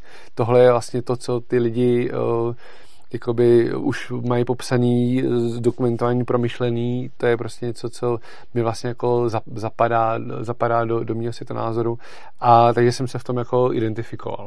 Ono se to vlastně jako by děje v tomhle světě, hmm. jakože vlastně to, kdy, když se podíváme na kryptoměny, tak to je prostě hmm. jako část ANKAPu v praxi, jo? prostě kryptoanarchie je praktická implementace anarchokapitalismu. Přesně tak, jako to řekl Timothy. May Bitcoin, Bitcoin je zajímavý v tom, že jako jsem, jsem nikdy nepotkal u stolu lidi s tak odlišnýma politickými názorama, hmm. který se dokázejí eh, se zápalem bavit o jednom společném tématu. Jasně. Že viděl jsem prostě, jak se komunisti eh, s kapitalistama vesele baví o Bitcoinu, jak je to super. A takže jako je to, je to určitě jako složitější téma, každopádně já jsem se jako nejvíc, nejvíc identifikoval tady s tím a jako a na tom politickém kompasu já jako upřímně nejsem úplně vyhraněný, jako úplně, úplně ankap a jsem spíš někde jako v tom středu. A je to složitější, jako, jako to asi bychom se museli bavit o nějakých konkrétních věcech. Každopádně jako jo, ta osobní zodpovědnost, nějaká, nějak, nějaký jakoby, svoboda, anarchie v tom jako pozitivním slova smyslu jsou věci, které jako smysl jako hodně blízko jako mně přijde, jako samozřejmě tě nechci kecat do toho, kde seš, ale mně přijde z toho, jak se s tebou jako dlouhodobě bavím, eh, že jako seš Anka, jenom máš prostě některý osobní konzervativnější názory, který no. stejně nechceš ale nikomu spát, takže, no, to určitě, takže no. to, jako minimálně za mě, já tě takhle vnímám hmm. a jako kam se zařadíš, no. je, je samozřejmě na tobě. Uh, no dobře, eh, použil jsi spoustu různých pojmů, když jsi mluvil o, o tom, říkal jsi ICOs, že jo, pak si mluvil no, altcoiny, no. altcoinech, no, tak prostě vůbec jako eh, to, to, že se forkne Bitcoin, takže o tom bychom teď mohli, mohli dát něco jako eh, vůbec, pověz něco o té době, no. Eh, kdy, začal, kdy začaly vlastně altcoiny, kdy potom začaly ty ICOs vysvětlit, co, co, co, hmm. co to je a, a vůbec jako celkově ty forky, že jo. Ono, u, těch, u těch bych se potom zastavil, protože tam mi přijde strašně hmm. zajímavý vůbec jako proč to jde, protože tam mi přijde potom strašně hmm. jako dobrý filozofický background toho, co ten Bitcoin vlastně je a co je, co je ten blockchain, že jo. No tam samozřejmě prostě o, ve chvíli, kdy byl někdy 2013 možná, tam, tam to nějak začalo, nějaký ty Litecoiny a tak. To byla prostě doba, kdy už jako lidi se vlastně začínali z médií dozvídat o Bitcoinu a řekli si jako, jako fajn, ale to prostě ten Satoshi, ten tady má milion bitcoinů jako za nic, že jo, je prostě hrozně bohatý a my bychom vlastně chtěli být taky bohatý, ale už jsme přišli tady jako do té hry pozdě, tak jako pojďme si založit vlastní, vlastní hru, že? A nej, nejzjevnější tady na tom je prostě Dogecoin, který byl opravdu vytvořený jako recese. To je prostě čistý fork Bitcoinu, upravený to, že je tam upravených prostě pár konstant typů, že těch jednotek jsou prostě strašní kvadriliardy, já nevím kolik přesně. A bylo to že vydaný jako, jako recesistický projekt, ale jako smutný na tom je, že se to chytlo a že to má jako reálnou jako hodnotu. Jo. Ty Dogecoiny mají prostě jo, dají se směnit za, za, za bitcoiny a má to jako reálnou hodnotu. Protože prostě, a já, já to přičítám tomu, jako, že lidi opravdu jako nerozumí ekonomii. Já bych k tomu řekl pár věcí. První, eh, co, co, co to je vůbec ten fork. Že? Fork znamená, hmm.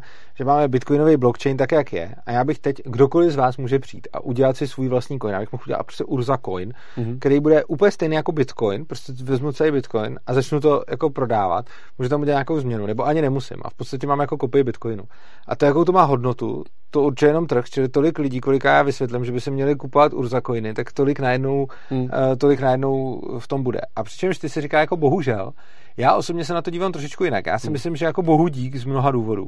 Jednak proto, že si myslím, že to konkurenční prostředí je prostě dobrý a že ne úplně všechny, i když drtivá, drtivá většina altcoinů jsou shitcoiny, že prostě někdo udělá jenom takovouhle blbost, eh, jako kdybych si udělal Urza coin, který jenom vezmu Bitcoin. Prostě většina altcoinů je udělaná takže se vezme Bitcoin, změní se tam možná nějaká konstanta, někdy se to ani nezmění, hmm. v podstatě se to okopíruje a pak se řekne, že je to super, ale lidi si to začnou nakupovat. Hmm. A, ale jsou nějaký altcoiny, který třeba Monero asi mě napadá jediný, jo, který, Monero, ne, který, považuji za, který považuji, že tam, že, že, jsou fakt nějakým způsobem jako, hmm. jako dobrý. a který prostě přicházejí, který přicházejí s něčím jiným. A mně na těch altcoinech přijde strašně dobrý to, že bez ohledu na to, jestli jako je považuji nebo nepovažuji za dobrý, že ten Bitcoin má tu konkurenci hmm. a že prostě se to jako děje a že je potřeba s tím neustále počítat, že je potřeba s tím neustále pracovat a že i když jako drtivá většina z nich jsou jako shitcoiny, tak prostě takhle přece vypadá jako svět podnikání. Hmm. Prostě drtivá většina firm jsou na prd a taky hned zkrachujou, nebo hmm. časem hmm. a vytříbí se těch pár. A tím, že prostě jako miliony lidí začnou něco nějak dělat po svém, tak se potom ukáže, kdo to dělal dobře a kdo to dělal špatně a nedá se to ukázat právě nijak jinak, než se to děje. Hmm.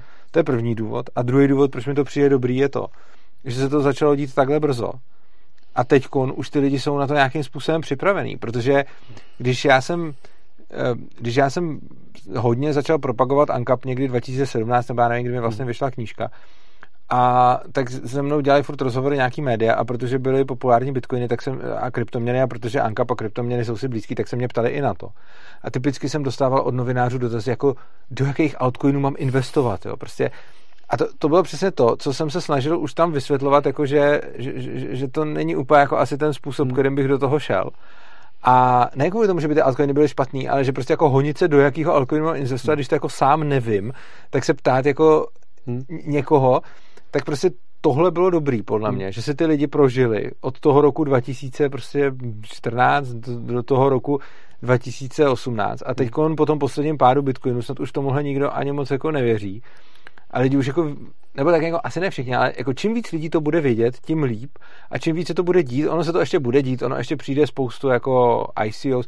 ICO je Initial Coin Offering a to v podstatě znamená, že když zakládáte nový, když zakládáte nový, nový ty coiny, tak je dáváte jako lidem, nebo jim je prodáváte a v podstatě se od nich berete prachy za ten coin, za to, že vám budou věřit a nebo doufat, že to jenom prodají dráž. Hmm. A většina těch lidí, co doufá, že to prodají dráž, to je mimochodem taková zajímavá věc, který jsem došel. Uh, strašně moc lidí, kteří kupovali bitcoiny nebo s nimi pracovali z nějakých ideových důvodů, což budeme asi my dva, uh, na tom nakonec nějakým způsobem zbohatli. Hmm. A oproti tomu spousta lidí, kteří kupovali bitcoiny proto, aby na tom zbohatli, tak na tom potom schudli. Jako, skoro, přijde mi, jako ne, nemůžu říct, že to také na 100%, hmm. ale já znám jako spoustu lidí, kteří do toho šli jako z ideových důvodů. A můžu, můžu jako neznám snad jako asi žádný z nich, který by na tom nějak strašně zahučel. A pak znám nějaký lidi, kteří do toho šli Urzo, řekni mi rychle, hlavně jak to nejjednodušeji, hlavně abych to nemusel číst, hlavně jak si mám pořídit tu peněženku hmm. a potom to do tohoto a pak budu bohatý. Jsem říkal, hele, nedělej to. A já to potřebuji být bohatý, no. A ty skoro všichni na, na tom pak zaplakali, no. no jako, jako hodlovat není, není jednoduchý. Mimo jiné. Ale ještě, ještě k, těm, k těm altcoinům. Tam je prostě problém, já samozřejmě chápu, chápu tu motivaci, co říkáš ty. Já to beru z toho pohledu, že ty altcoiny jako neuvěřitelně tříchtějí fokus. Mm-hmm. A, a to jako vý, vý, vývojářů a prostě celé té komunity.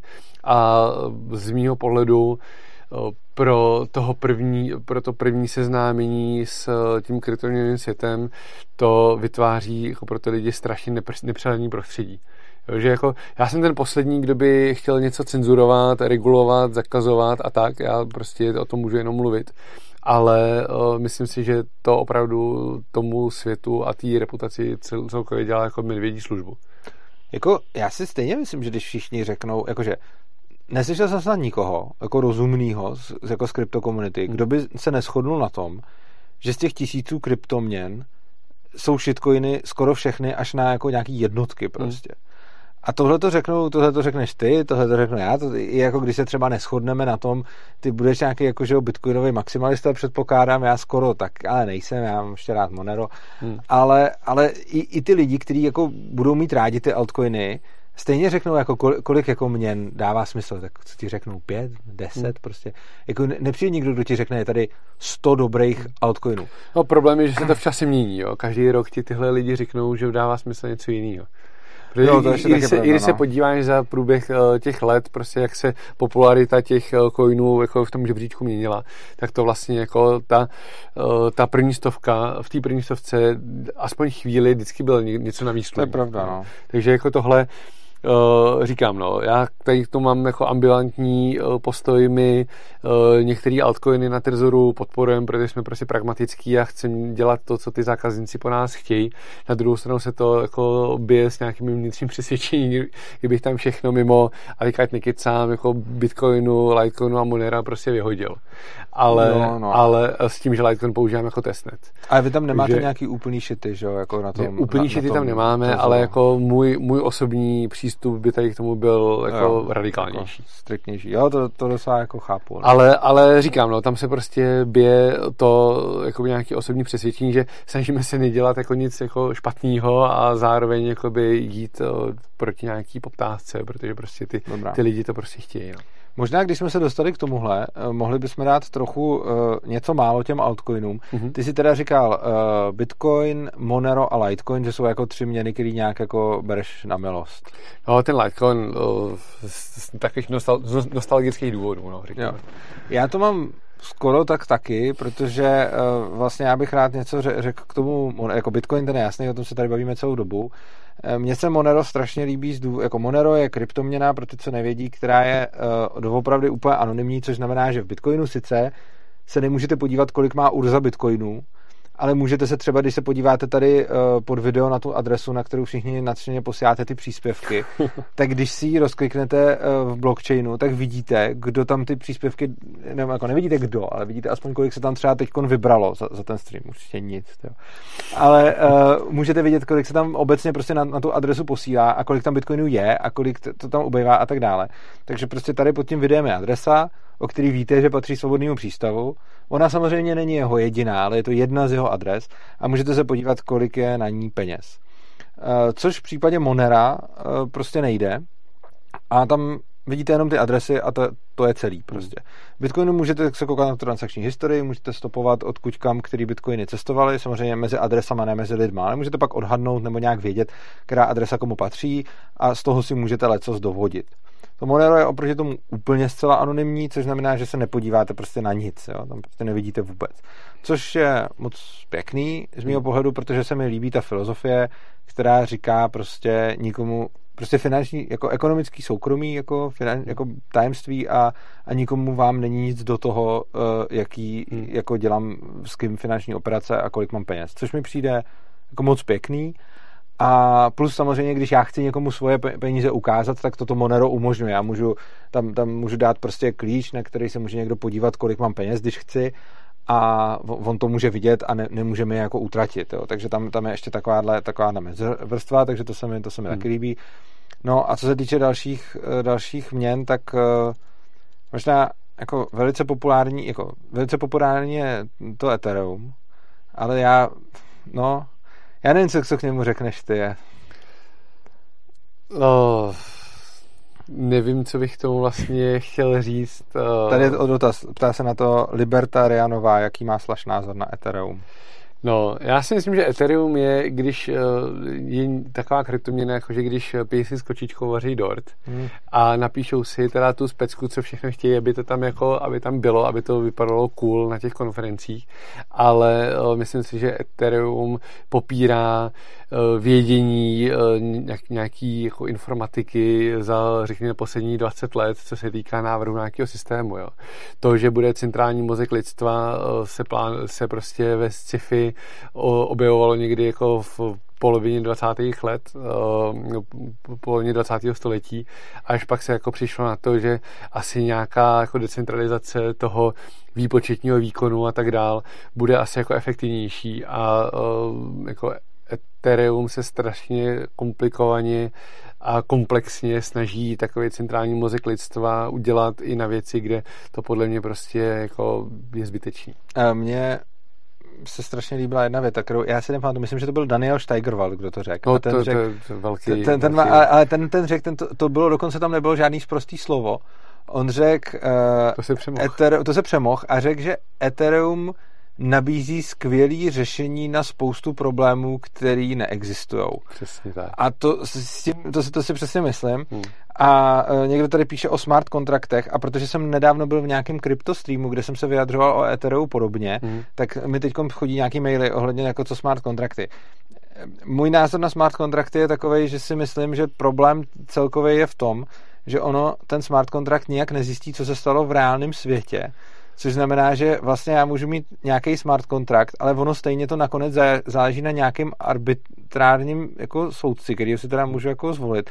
Ale ono to zase jako moc ten problém neřeší, protože já nedokážu do smart kontraktu zadat jako hele, jestli mi tenhle ten člověk dá to auto, hmm. tak mu to tam převeď a jestli nedá, tak mu to, to, to nepřeveď, jo. Přesně tak, ten jakoby, ten uh, interface s tím, nebo to, to rozhraní s tím fyzickým světem je jako obrovský, obrovský téma, který jsme řešili prostě na nějakých konferencích, jsme to diskutovali už kdysi dávno a já jsem si furt jako říkal, jo, jsem asi jen tak hloupý, že to prostě jako nechápu. A říkal jsem si tak možná rok, dva, až jsem pak přišel na to, že to, je jako, že to tak není a že opravdu prostě tu odpověď tady na to jako nikdo nemá. A jo, tak jako není, není bez povšimnutí, že jako nejúspěšnější aplikace všech dob na, nad Ethereum byly CryptoKitties. Jo, to je pravda. Což no. je prostě infantilní hra nebo aplikace, která by the way jako mimo jiné jako složila Ethereovou síť, protože prostě to neutáhlo prostě popularitu té no. hry. Takže to, to jsou, to je jakoby, to je hnedka vícenásobný důkaz toho, že to je jako špatný, protože za prvý je to čistě virtuální věc, která nemá dosah do nějakého fyzického světa a navíc ještě jako Ethereum a dobře, tady bych mohl střílet do vlastních řad, protože Bitcoin taky moc neškáluje, to je jako jasný, ale myslím si, že u Bitcoinu to nikdo ani netvrdí. Zatímco, Jasně, no. zatímco sharding a všechny tyhle uh, popkulturní věci Ethereum jako jede kolem dokola furt roky a já tomu jako nevěřím, dávno tomu nevěřím. Já bych řekl jednu takovou věc, která se na Ethereum líbí geekovi uvnitř mě a to je ten Turingův stroj, který tam, hmm. Eh, který tam pracuje.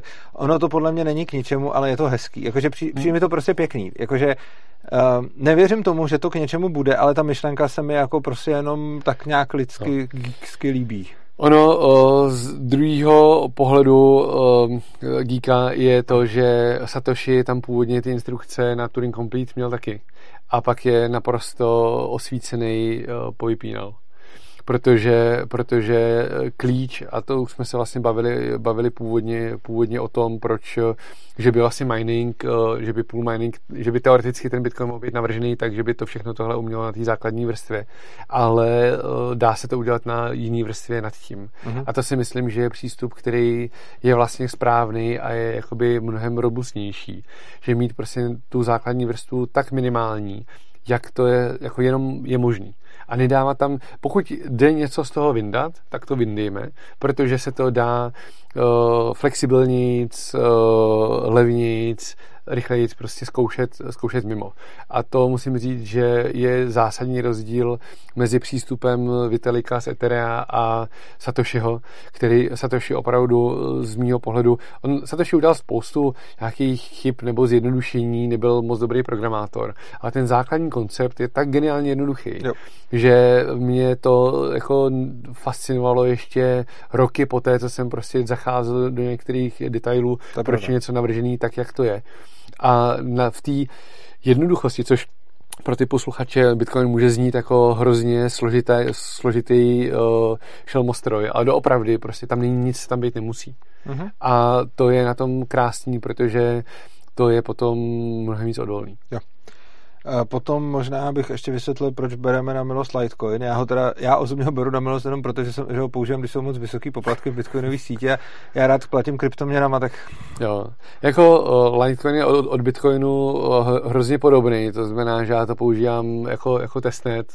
Hezký bylo, že samozřejmě bylo to nějaký PR Litecoinu, ale byl tam aktivovaný Segwit dřív než, než na bitcoinu, kde jsme prostě měli prův toho, že se prostě ta síť po aktivaci Segwitu jako úplně celá sype, jen abych to teda, eh, abych to přiblížil eh, posluchačům, tak vlastně Bitcoin je velmi konzervativní v tom, co se tam, eh, co se tam děje. Každopádně to bylo 2018, myslím, byl ten fork, nakonec já už si to teďka nepamatuji, jestli 17 nebo 18, um, se vlastně, se vlastně uh, komunita rozhádala ohledně toho, jestli aktivovat uh, novou sadu pravidel na té bitcoinové síti.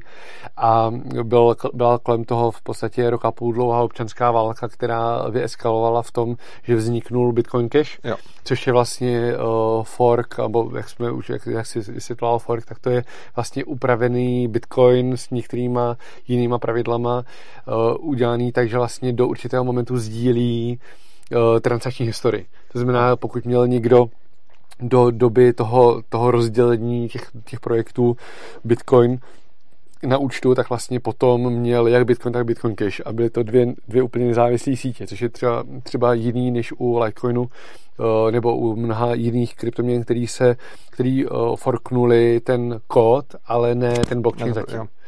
Tam vlastně k tomu, eh, ten, ten Bitcoin Cash tam bylo hrozně zajímavý a líbilo se mi. Když se to napřed forklo, tak jsem se na ně zlobil, protože se mi jako nelíbilo, co udělali a samozřejmě jsem to hned prodal, hmm. abych podpořil Bitcoin, no. tak jsem prodal, tak jsem prodal Bitcoin Cash. A říkal jsem si prostě, že to je špatně, ale potom, když přišel Bitcoin Gold, což se stalo v podstatě to samý, no. že někdo zjistil, hele, na, na uh, Roger Ver se na, na Bitcoin Cash napakoval, hmm. tak si řekli, hele, uděláme to samý a uděláme Bitcoin Gold a budeme taky bohatý. A tam bylo strašně dobrý, že tam už ani, tam, tam už to nikoho nezajímá, protože jak už se to jednou stalo, hmm. tak Bitcoin Cash spousta lidí věřila a no. spousta no. lidí eh, do, do něj jako šla a byl to zase ten fork, jo, že si prostě někdo vzal a řekl, Bitcoin, jak já jsem říkal, to udělám si Urza Coin, hmm. tak prostě eh, tam proto byly nějaký jako důvody, které se tvářily objektivněji, takže se to potom dalo udělat a spousta lidí tomu věřila a spousta lidí v tom utopila svoje prachy, hmm. protože se tvrdilo, že to je ten pravý Bitcoin. No a potom teda přišli ještě další, kteří si řekli, že udělají to samý a to byl Bitcoin Gold a strašně s potěchou se mi líbilo sledovat, že když jsme prodávali Bitcoin Cash, já nevím, já jsem to prodal asi za desetinu, jakože mm-hmm. že prostě když máte nějaký 10 Bitcoinů, tak, tak to prodáte za jeden Bitcoin, ty, těch Bitcoin Cashů, tak u Bitcoin Goldu už to šlo tak za setinu prostě a teď už to nikdo dál nedělal, protože už je jasný, že... Čili to, to, ono, to, ono těch forků, těch forků tohohle typu bylo, bylo jako strašně moc, hodně, ale, ale potom už to nikdo no, jako ne, nepodporoval. To... No, já chci tady k tomu, k tomu říct, že, že já jsem samozřejmě jako um, chápu motivace a chápu a i znám několik eh, lidí, kteří jako vlastně byli nebo jsou v té Bitcoin Cash v tom klanu a tam to bylo jako opravdu hodně vyhrocený, protože vlastně všem šlo asi jako o hodně, že, jako, hmm. že tam lidi prostě neměli jako 10 korun v tom. Takže, takže ta, ta občanská válka byla hodně vyhrocená. Já jsem z toho už byl pak potom trošku nešťastný, protože to už totálně bylo jako klanový, prostě my, my versus oni.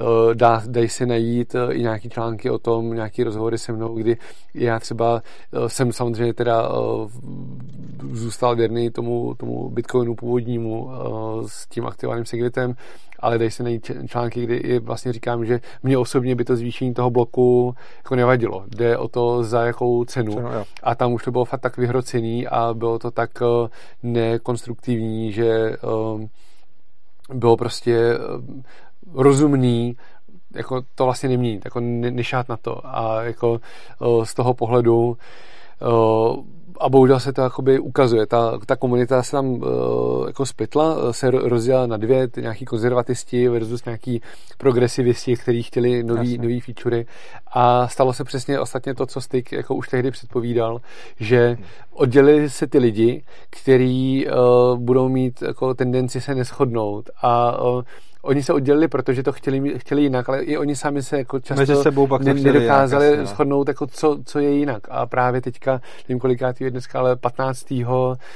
listopadu, že on potom se od, od z Bitcoin Cache forknul Bitcoin SV, jo, Bitcoin jo. Satoshi Vision a teďka se ten Bitcoin Cache forkuje 15. listopadu zase na další dva. Aha, tak to jsem ani nevěděl. A to je prostě to je ostatně jeden z důvodů, proč z pohledu nějaký teorie her dávalo smysl zůstat s původním bitcoinem, mm-hmm. protože ta komunita, která se odštěpila, měla větší pravděpodobnost, jo. že se bude štěpit dál. To je krásný takový evoluční algoritmus na, na, naživo. Mám tady na tebe dotaz, na který znám odpověď, ale položím ti ho, aby jsme udělali tady komerční, eh, komerční vložku. Eh, proč je Monero jenom na novém Trezoru a není i na starém? Je to kvůli hardwareu nebo marketingu? je, to, je to kvůli hardwareu, protože uh, Model T, ten novější, má, uh, myslím, dvakrát víc operační paměti a Monero s tím, jak je, uh, jak je ta transakce náročnější, protože se, tam dělá víc, víc operací kvůli těm, těm um, skrytým podpisům a tak dále, tak vyžaduje prostě hodně operační paměti a my pracujeme na tom, jsou tam nějaké pokusy, eh, jak to zoptimalizovat, aby to fungovalo i na tom starším trezoru. Každopádně jako nechceme nic slibovat a není to o tom, že bychom byli takový oškliví, ale opravdu jako už, už to, že se ten Monero signing, eh, to podepisování dostalo do té hardwareové peněženky, je vlastně jako malý zázrak. A tady chci jako uh, dát, dát kredit Dušanovi Klincovi, který udělal tu implementaci na, na Trezoru. Ostatně dneska se pochlubil v naší telegramní skupině, že za to dostal teďka nějaký certifikát, jako vyhrál, vyhrál nějakou uh, soutěž za, za, jakoby za IT contribution. Já bych jenom řekl lidem, kteří třeba jako jsou zcela IT neznalí a celý problematiky kryptoměn a trezorů a podobně, vzhledem k tomu, jak funguje síť Monera, já jsem si před pár lety myslel, že to prostě nepůjde dát do trezoru. Jo? Jako, jako, že prostě to není, není to nějaký jako vymyšlený pseudoproblém, ale prostě když jsem jako se podíval na to, jak funguje Monero a jak funguje trezor, tak jsem si před pár lety říkal, sakra, tohle, to, to, to nebude, jako nevěřil jsem tomu. Hmm. A upřímně jsem teď jako dost rád, že se to vůbec dostali aspoň do toho, hmm. do, do toho nového modelu, protože jsem předpokládal, že, že prostě hmm. ta, ta architektura Monera prostě na, na hardwareové peněženky tohoto typu prostě není. No. Yep. Eh, potom ještě poslední, co jsem chtěl říct k nějakým, eh, k nějakým altcoinům, já mám ještě jednoho oblíbence, to je MateSafe, nevím, jestli to, nevím, jestli to znáš, je to taková úplně mini... Znám, je to kryptoměna, na který jsem prodělal asi nejvíc eh, jo? A te, Já tehdy, taky. Tehdy, tehdy mě do toho nasáčkoval náš společný známý, kterého nechci jmenovat. Jo, ten možná uh, mě taky, ale mně se, to, mně se to pořád líbí. Nekupujte to, jo? Jenom, jako, nekupujte to, abyste to nebrali jako doporučení, ale je to, je to prostě hezký. Uh, MateSafe není dobrý pro ty, co to chtějí koupit, ale je dobrý pro ty, co si chtějí přečíst ty, ty hmm. white papery, protože je zajímavý, jak je to udělaný, to je tak celý, co bych k tomu řekl. A to Mejcej byl, byl první a poslední uh, kup, uh, kup altcoinu na základě doporučení uh, známého, takže jsem živoucí příklad, proč to nedělat. No já jsem měl vlastně, takže tím jsme se dostali k všem čtyřem těm Bitcoin, Monero, Litecoin a MateSafe jsou čtyři no. kryptoměny, které jsem kdy držel a myslím si, že se to nebude měnit. A teď jsme se teda už dostali docela, docela daleko, teď už jsme ve velké budoucnosti, protože když jsme mluvili o forcích Bitcoinu na Bitcoin Cash a tak, tak to už jsme byli 2018, že jo? Mm-hmm. Nebo kolik to, nebo bylo to? Ne, 17. Já, já myslím, že to bylo 17, 18. 17, 18, tak takže jsme, jsme to. A teď už dál vlastně eh, Nevím, jestli tě napadá nějaká další událost. Mě by napadlo uh, něco, k čemu tady padaly dotazy, který jsem schválně nečet celou dobu, a to je Lightning Network. A, no. a nevím, jestli tě napadá ještě něco velkého, o čem hmm. bychom chtěli mluvit. Jo. Jako o, těch, těch věcí v té historii, jako kryptoměny jsou jako divoký západ. Ještě stále. Bylo to mnohem, mnohem horší, ale ještě stále to je jako divoký západ. Což je super. A, což je super, ale upřímně jako to taky není úplně pro každýho, protože prostě jsou lidi, kteří vím kolem některých to semlelo, prostě, že opravdu jako ne, ne každý je připravený, připravený na to uh, přijít prostě o většinu svých peněz uh, a dělat jako že nic a být prostě v pohodě. Takže takže uh, myslím si, že určitě, určitě ten svět kryptoměn je hrozně zajímavý, ale hrozně nebezpečný pro lidi, kteří na to nejsou připravení. A co se týká toho, takže těch věcí, těch historií, jako těch pří, příběhů bych mohl jako z klobouku tát hodně, ale asi, asi když si na to nespomenem tak nějak jako v diskuzi, tak to tady ne, nebudu rozvíjet. Tak se ale, Lightningu. Ale ten, ten Lightning, um, ten Lightning, je, uh, Lightning Network je vlastně um, pokračování té teorie, že vlastně je dobrý mít uh, věci rozdělené po, po vrstvách, po vrstvách s tím, že uh, Bitcoin je nějaký základ, to je ten, ta, uh, ta úroveň, jak se to řekne český, settlement network. Takže, jak bys to řekl česky? No, No taková ta base, jo, base, no. jo. jo, chápu. Že to, je, že, to je, eh, že to je eh, taková ta základní síť na vyrovnávání, eh, vyrovnávání závazků a pohledávek, nebo jak bych to přeložil. Um, mezi, mezi vlastně dvěma stranama, který si vzájemně nemusí, nemusí věřit, ale právě jak jsme i nakousli to škálování nebo to, to, tu, tu kapacitu té bitcoinové sítě, jestli to zvládne utáhnout případně celou ekonomiku světa, když budeme migromani, tak to víme, že ne, že prostě ta technologie je omezená ze svých dobrých důvodů a nemáme úplně dobrý teoretický řešení, jak to zlepšit ale uh, ta základní úroveň dělá dobře to, co prostě dělat má. A to znamená, že řeší problém uh, transakcí dvou vzájemně si nedůvěřících uh, stran v anonymním prostředí. A nad tím, podobně jako je možný postavit koncepty typu hardwareové peněženky, s čím Satoshi nepočítal, nebo mining pooly, s čím Satoshi nepočítal, tak je nad tím potřeba, je možný nad tím postavit i síť transakční, která vlastně má jiný, jiný vlastnosti a trošku jiný garance, ale je mnohem víc uh, schopná zvládnout mnohem víc transakcí za sekundu, hypoteticky, hypoteticky až neomezeně, protože je to taky jako decen, navržený decentralizovaně. A s tím, že ve chvíli, kdy vlastně se ty, ty dvě obchodující strany poruší tu svoji vzájemnou, vzájemnou důvěru, a to je tady důležitý, tak vlastně ta Lightning Network um, dokáže tu, ten závazek eh, vyrovnat na té na bitcoinové síti, která je pod tím. To znamená, že je to opět celý postavený na teorii her, dokdy se, se ty dvě strany uh, si vzájemně uh, ko- ko- kooperují, spolupracují, tak uh, jsou ty transakce velmi levné, rychlé, anonymní dokonce. A ve chvíli, kdy si nějakým způsobem uh, jedna z nich uh, pokusí podvíst, tak je tam ten, uh, ten, eh, ten fallback, je tam, je tam ta, ta záruka v tom, že ta druhá strana vlastně o ty bitcoiny eh, nepřijde, protože se mu připíčou opravdu v podobě bitcoinů na, na bitcoinové síti. Nevýhoda tady toho je, že to je proti bitcoinu velmi komplexní a má to opravdu velmi jiný jako mentální model než Bitcoin. A eh, když už se člověk dostane do Bitcoinu, a pochopí, vlastně dojde k nějakému posunu myšlení toho, jak vlastně ta věc funguje, jak jsem mluvil na začátku o těch privátních klíčích, že prostě člověk nemůže, eh, že je sám, sám sobě pánem, že se nedovolá žádný, eh, žádný organizace a tak dál, tak tady je to ještě posunutý zase ještě trošku jinak, jo? že tam jsou věci typu, že ta peněženka, jestli, že musí být online jednou za čas, nebo tam je nějaký middleman, který hlídá ty, ty transakce, právě si nedošlo na porušení těch pravidel a tak dál. A já jsem asi rok naspátek, eh, nebo rok a půl naspátek provozoval jeden z největších Lightning eh, uzlů na světě, jakoby opět nějaká moje hobby, hobby aktivita, kdy jsem to prostě vlastně chtěl jako podpořit a sbíral jsem zkušenosti s tím, jak, to, jak se to provozuje, měl jsem, s tím, abych s tím získal nějakou zkušenost.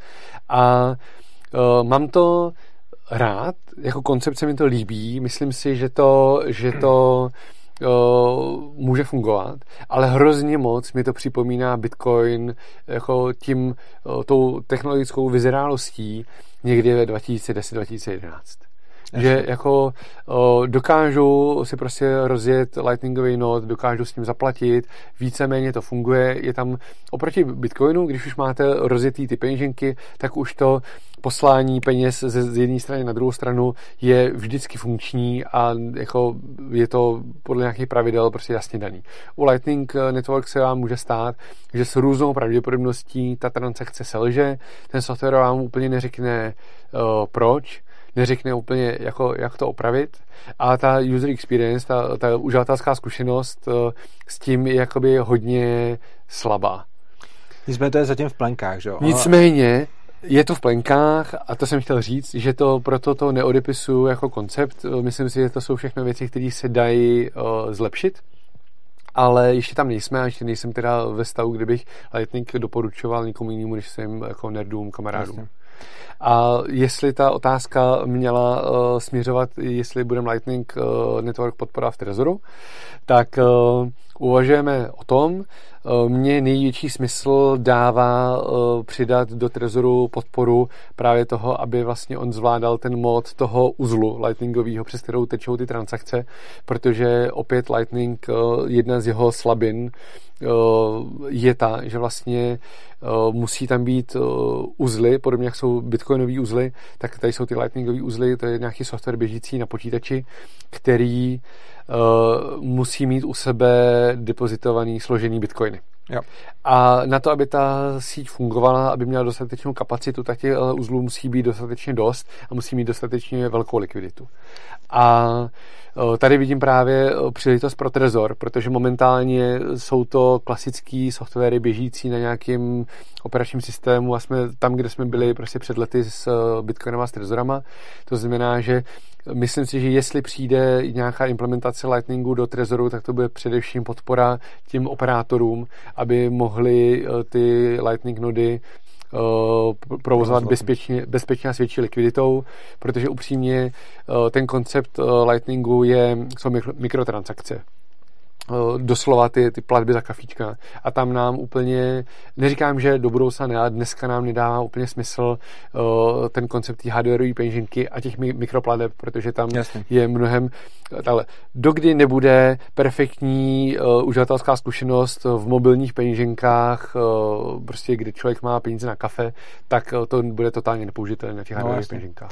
Uh, já bych tady k tomu dodal, že se mi strašně líbí na tom, na tom konceptu to, že vlastně Lightning Network je nadstavba nad tou základní bitcoinovou sítí, která umožňuje v podstatě jako nekonečný ro- rozsah transakcí a dává tomu strašně moc jako možností, který člověk má, zejména ta anonymita se mi na tom líbí. Mm ale zároveň to nevylučuje a vlastně to nijak neomezuje to, aby člověk sám dál mohl používat svoje bitcoiny jako bez ohledu na ten Lightning Network. Což znamená, že potom budou moc v jednom světě, na jedné síti, v jednom blockchainu fungovat jako lightningový uzly, na kterých poběží prostě jako miliardy transakcí hmm a zároveň tam vedle toho můžu být prostě já se svojí hardwareovou peněženkou a poslat si někam úplně bez ohledu na Lightning Network jakýkoliv bitcoiny kamkoliv ke komukoliv. Jo. Jo. A navíc ono ještě eh, tím, že se ty transakce budou přesouvat na ten Lightning, tak, tak to potom bude ulevovat ty, ty bitcoinové síti, což znamená, že to ani pro mě nebude znamenat, že bych potom musel být nějaký strašně bohatý, abych utáhl ty, abych utáhl ty poplatky prostě. Jo. Což jo, tam, je super. Tam je jakoby spoustu výzev. My tím, hmm. jak děláme prostě už roky eh, Trezor a vlastně přicházíme do kontaktu s tou první linií těch uživatelů, který vlastně mají totálně jako totálně jako nechápou ty principy, ty IT principy, které jsou pod tím, což je vlastně jakoby ta naše role, jo, být, uh, mít ten produkt, tu službu pro lidi, který, který uh, to pak jako ne, ne, nepotřebují pochopit. Tak ale jako vidím, uh, kolik věcí si ještě na, na Lightningu musí vyřešit, aby to pro tyhle lidi bylo jako akceptovatelně použitelný. No ono i vůbec na celém Bitcoinu, že? Ono, hmm. ono prostě celkově, celkově pořád ještě kryptoměny jako takový jsou pro jako pro neajťáky ještě ne, ale pro lidi, kteří nejsou technicky zaměřený, tak jsou pořád celkově kryptoměny jako problém, hmm. protože na to nejsou zvyklí a myslím si, že celý ten svět potřebuje ještě mnoho, mnoho let k tomu, aby to potom mohlo být triviální a zároveň bezpečný, hmm. aby i člověk, který o tom nic neví, se k tomu nějak dostal a mohl celkem bezpečně jako operovat, což si myslím, že časem k tomu dojde, ale zatím tam ještě nejsme a dokud tam nebudeme, tak Bitcoin nenahradí podle mě jako fiat prostě. Jo. Jako ideální, ideální představa moje je, že člověk má prostě, eh, říkáme tomu Bitcoinová peněženka, kde prostě bude eh, jak Bitcoin wallet, tak Lightning wallet zaintegrovaná Přesně. do té míry, že prostě to uživatel nebude muset řešit a prostě hmm. zaplatí a buď to, to bude malá částka eh, s nízkou prioritou, která prostě půjde, půjde Lightningem, nebo pokud se to nepřeroutuje přes Lightning, nabídne se zaplacení Bitcoinech a tak dále. Prostě musíte být zaintegrovaný tak, aby člověk v té kavárně tam eh, nestrávil pět minut laborováním, jak to prostě zaplatit. A jako technicky to možný je, eh, potřebujete ještě strašně moc práce. Jo. A to si myslím, to si myslím že, že je jako super. Já bych ještě řekl jednu věc k tomu, jak se tady bavíme o, o prostě budoucnosti Bitcoinu a, a, a vůbec o tom, o tom jako jak je to user-friendly a podobně. Tak já jsem poslední dobou eh, často narazil na jeden argument, který mi, který mi různě píšou lidi. A to je, Bitcoin a ekologie. Hmm. A teď, teď se to tady často propírá, protože vyšla nějaká zpráva, že někdo si dal tu práci a porovnal, kolik energie stojí Bitcoin a kolik energie stojí uh, všechny transakce na Master a, a, a Visa no. karta. A já musím říct, že uh, to, co s tím lidi dělají ze závěry, mě vlastně svým způsobem jako nepříjemně překvapuje hmm. z následujícího důvodu. Dejme tomu, že ten člověk si fakt dal práce a udělal to dobře a fakt porovnal energetickou spotřebu Bitcoinu s energetickou spotřebou prostě Vizi nebo hmm. Mastercard nebo něco takového. A došel k tomu, že, že, na tý, že, že ta energie prostě na to, kolik Visa udělá transakcí a kolik udělá Bitcoin transakcí, takže je to pro Bitcoin strašně jako špatný. A mě k tomu napadají dvě věci. Mě, mě, mě psala Eh, mě psala moje kamarádka, která říkala, co, která má ráda Bitcoin a říkala, to je vlastně hrozný. A taky je hodně jako na ekologii a říkala, to je vlastně hrozný. Hmm. A já si říkám, na to, na to mě napadaly dvě věci. První, ten odpověď na ten samotný argument je, že je úplně chybný a strašně moc lidí to vůbec nechápe, porovnávat to jako s vizou. Hmm. Eh, protože by se to muselo porovnat s vizou a ještě všema bankama světa. A, a s dolarem. A, a, a s dolarem a se všema, a se všema prostě eh, pokladnama a, a, hmm. a se všema prostě cashdeskama hmm. a se všema lidma, co okolo to pracují a se všema eh, pracovníkama banky a se všema těma budovama těch bank a všechny tyhle ty věci dohromady by se museli porovnávat proti Bitcoinu a už by to vyšlo jinak. To je jako první věc. A druhá věc, i kdyby to vyšlo pro Bitcoin hůř, tak mi pořád přijde jako, tady je nějaké jako, jsou tady nějaké lepší peníze než ty, co máme. A my přijdeme s tím, tyjo, ono to stojí víc energie a strašně se, a napíše se kolem toho milion článků a hmm. každý novinář, protože potřebuje něco napsat, o tom napíše. Ale jako to je jako kdybych udělal prostě velký porovnání, kolik energie spotřebují automatické pračky a kolik praní na valše prostě. Hmm. Tak jdeme právě na valchu, jo. Prostě, jo. To, je, to, to, je dobrý point. Ostatně tady k tomu napsal nedávno na Trezor blog příspěvek Dominik Stroukal, Mm-hmm. Právě se tady jako k té k tý, k tý, jako, k tomu postoji jako počítat vůbec něco na jako, kolik to stojí energie, jak je to jako relativní a pod, jo, pod, proti čemu no. se to srovnává, se tam, tam k tomu nějaký vyjádření má. Plus přesně jak říkáš, jako tam je zásadní problém, že Bitcoin a jako Mastercard nebo Visa jsou vysvětleny jako transakční, transakční nástroje, ale jakoby tam pod tím není ta, ty náklady na tu, na tu měnu jako Přesně takovou. Tak. Můžeme se bavit o tom, jestli jako do, do ceny dolarů započítat třeba americkou armádu. Jo, jasně, no jo, jasně. Hm. Jo, a jako pak, už jsme, pak už jsme na úplně jiných jako nákladech. No to, je, to hele, tohle mě vůbec nenav... ale samozřejmě, když to řekl, tak to je pravda. Hmm. Pro diváky eh, ten dolar je, jako ten dolar nemá žádnou hodnotu a to, čím je vynucovaný, je, je síla, že jo. Hmm. Takže fiat měny, jako oni nejsou krytý. Oni jsou krytý tím, že lidi musí přijímat, že jo. Což znamená, že to, že musí přijímat, je pořád ještě řešeno nějakou jako hmm. silou, která jim to nutí, což, což ty kryptoměny taky, hmm. taky nemají. Takže dobrý point. Pak tady mám nějaký lidi, Patrick White si myslí, že jsi genius. A Marek Nekola uh, se ptá, a tahle ta otázka mi přijde hrozně, hrozně dobrá, protože to se mi líbí, když se lidi jako ptají uh, takhle úspěšných lidí nebo podnikatelů. Měl Slaš nějaké podobné velké nápady, co třeba nevyšly? Já už žádných nevím, ale předpokládám, že bude strašně moc. Ale měl jsem jich strašně moc. Že jo. a já, jak jsem začal z začátku, když jsem byl takový podnikavý jako dítě, já jsem měl strašně moc nápadů, na kterých jsem eh, i zapomněl, protože jako, no, jako, eh, jo, pár, pár, svých, eh, pár svých podnikatelských avantýr si vzpomínám a jako rozhodně to není tak, že na co šánu, to, to jako si, to tak může působit, ale rozhodně to není, že na co šánu to funguje. Já jsem přesně proto tu otázku vybral, protože nikdo, eh, kdo, kdo, má, kdo, kdo s něčím takhle uspěje, když si uspěl s dvěma velkýma věcma, tak není možný, aby to byly mm. tvý dva nápady, prostě vsadím se, že jich tam je Jo, jako o, těch, těch, věcí, těch věcí bylo, bylo víc, ale hlavně já jsem jako si z toho jako nikdy nic moc nedělal. Že já jsem vždycky ty věci dělal, protože mě to bavilo, ne kvůli tomu, že jsem na tom chtěl vydělat peníze. To znamená, že já vlastně, nedávno jsem jako na tom vzpomínal, který všechny věci jsem vlastně měl šuplíku nějak rozdělaný, udělaný, neudělaný. Uh, teďka jsem si eh, vyšel nějaký článek o Integromatu, uh, o tom, jak, jak prostě to super, super český startup, který teďka prodali a spoustu, jako, že jsou milionoví do, do, dolaroví milionáři, tak jsem jako zamáčkl oku, zamáčkl slzu v oku s tím, že to jsem měl taky rozepsaný. takže takže takových věcí bylo spoustu, mám toho prostě plný repozitář na disku, co prostě padá, padá na to prach. A samozřejmě to jako nikdy nespatřilo světlo světa, plus některé uh, projekty, i co světlo světa spatřili a byl to totální propadák, plus uh, jako začalo to dětskýma nápadama, uh, prostě dělal jsem robota na kopírování disket, jo, mm-hmm. protože prostě uh, maminka účetní přijímala časopis s disketama, na kterým byly napsané zákony. Já jsem si říkal, ty to přece někdo musí kopírovat, to přece jako tady musí být díra na trhu, protože to bude určitě hrozně drahý, že tam ty jako lidi jako ručně kopírují. A to mi bylo asi 13, jo. jo. takže jsem psal, psal robota, který bude strkat jako do mechaniky uh, diskety a kopíruje to a že, že jako to bude super jako podnikatelský nápad. No. Ale tak naučil jsem se, naučil jsem se jako s mikrokontrolerama, s servama a tak jako, no, já bych tomu rád za sebe, za sebe dodal, eh, já, který nejsem zdaleka tak eh, profesně úspěšný jako ty, tak eh, taky prostě vidím i za každým mým dobrým nápadem, kolik bylo špatných. A myslím si, že je to strašně taková důležitá věc. Ani ta, nevím, jestli se týká úplně ankapu nebo trhu, ale prostě přijde mi strašně dobrý to jako říct že strašně moc lidí žije v představě, že ty úspěšní hmm. se liší tím, že mají ty dobrý nápady a ty hmm. neúspěšní se liší tím, že mají ty špatný nápady. Ale já si jako čím dál tím víc myslím, že ty úspěšní se liší tím, že mají prostě mrtě nápadů a jdou je zkoušet hmm. a ty neúspěšní si řeknou, a to, to, hmm. to určitě nevíde prostě. Čili přijde mi, že ten úspěch je často daný v tom, že to prostě zkoušíš a strašně často selžeš. Jako. Jo. Určitě tady, tady chci říct, že to, co bylo zásadní asi u toho půlu, bylo, že time to market byl strašně rychlej.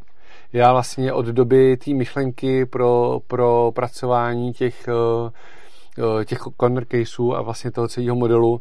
Vlastně to bylo někdy eh, začátek listopadu, jsem na tom začal pracovat a jak jsem říkal, už 16. prosince to svištělo v produkci. Jasně, no. Takže a díky tomu, že to začalo fungovat a že na tom vyrostlo to, co vyrostlo, tak mi to asi dalo jak jako kapitál, tak zkušenosti, tak odvahu eh, pustit se potom do, do trezoru. Jasně. Jo, že jako měl jsem, jako měli jsme s kamarádem rozpracovanou i bitcoinovou burzu, jo. všechno tohle prostě v šuplíku, valí se, valí se to tam a nikdy to nespatřil světlo, světlo světa, to bych asi mohl dlouho vyprávět. Jo. Dobrá, teď tady mám, něco jsem píše Šimon Macháček, jehož si pamatuju otázku z dávna, kterou už tady nemám, tak ji zkusím mm-hmm. parafrázovat. Je to náš podporovatel, který se ptal na Proof of Work, a ptal se, já teď nevím přesně co kolem toho, ale padlo tady víc otazů na proof of work, proof of stake, proof of já nevím co, tak se chci vůbec zeptat, uh, co, co, si, co si o tomhle myslíš, prostě jo. proč Bitcoin má proof of work, jestli je to jako dobrý a co ty, co ty ostatní jako hmm. koncepty, kterých je samozřejmě jako jo. mrtě, že jo? Myslím si, že ze všech známých uh, konceptů je Proof of Work ten nejméně uh, špatný.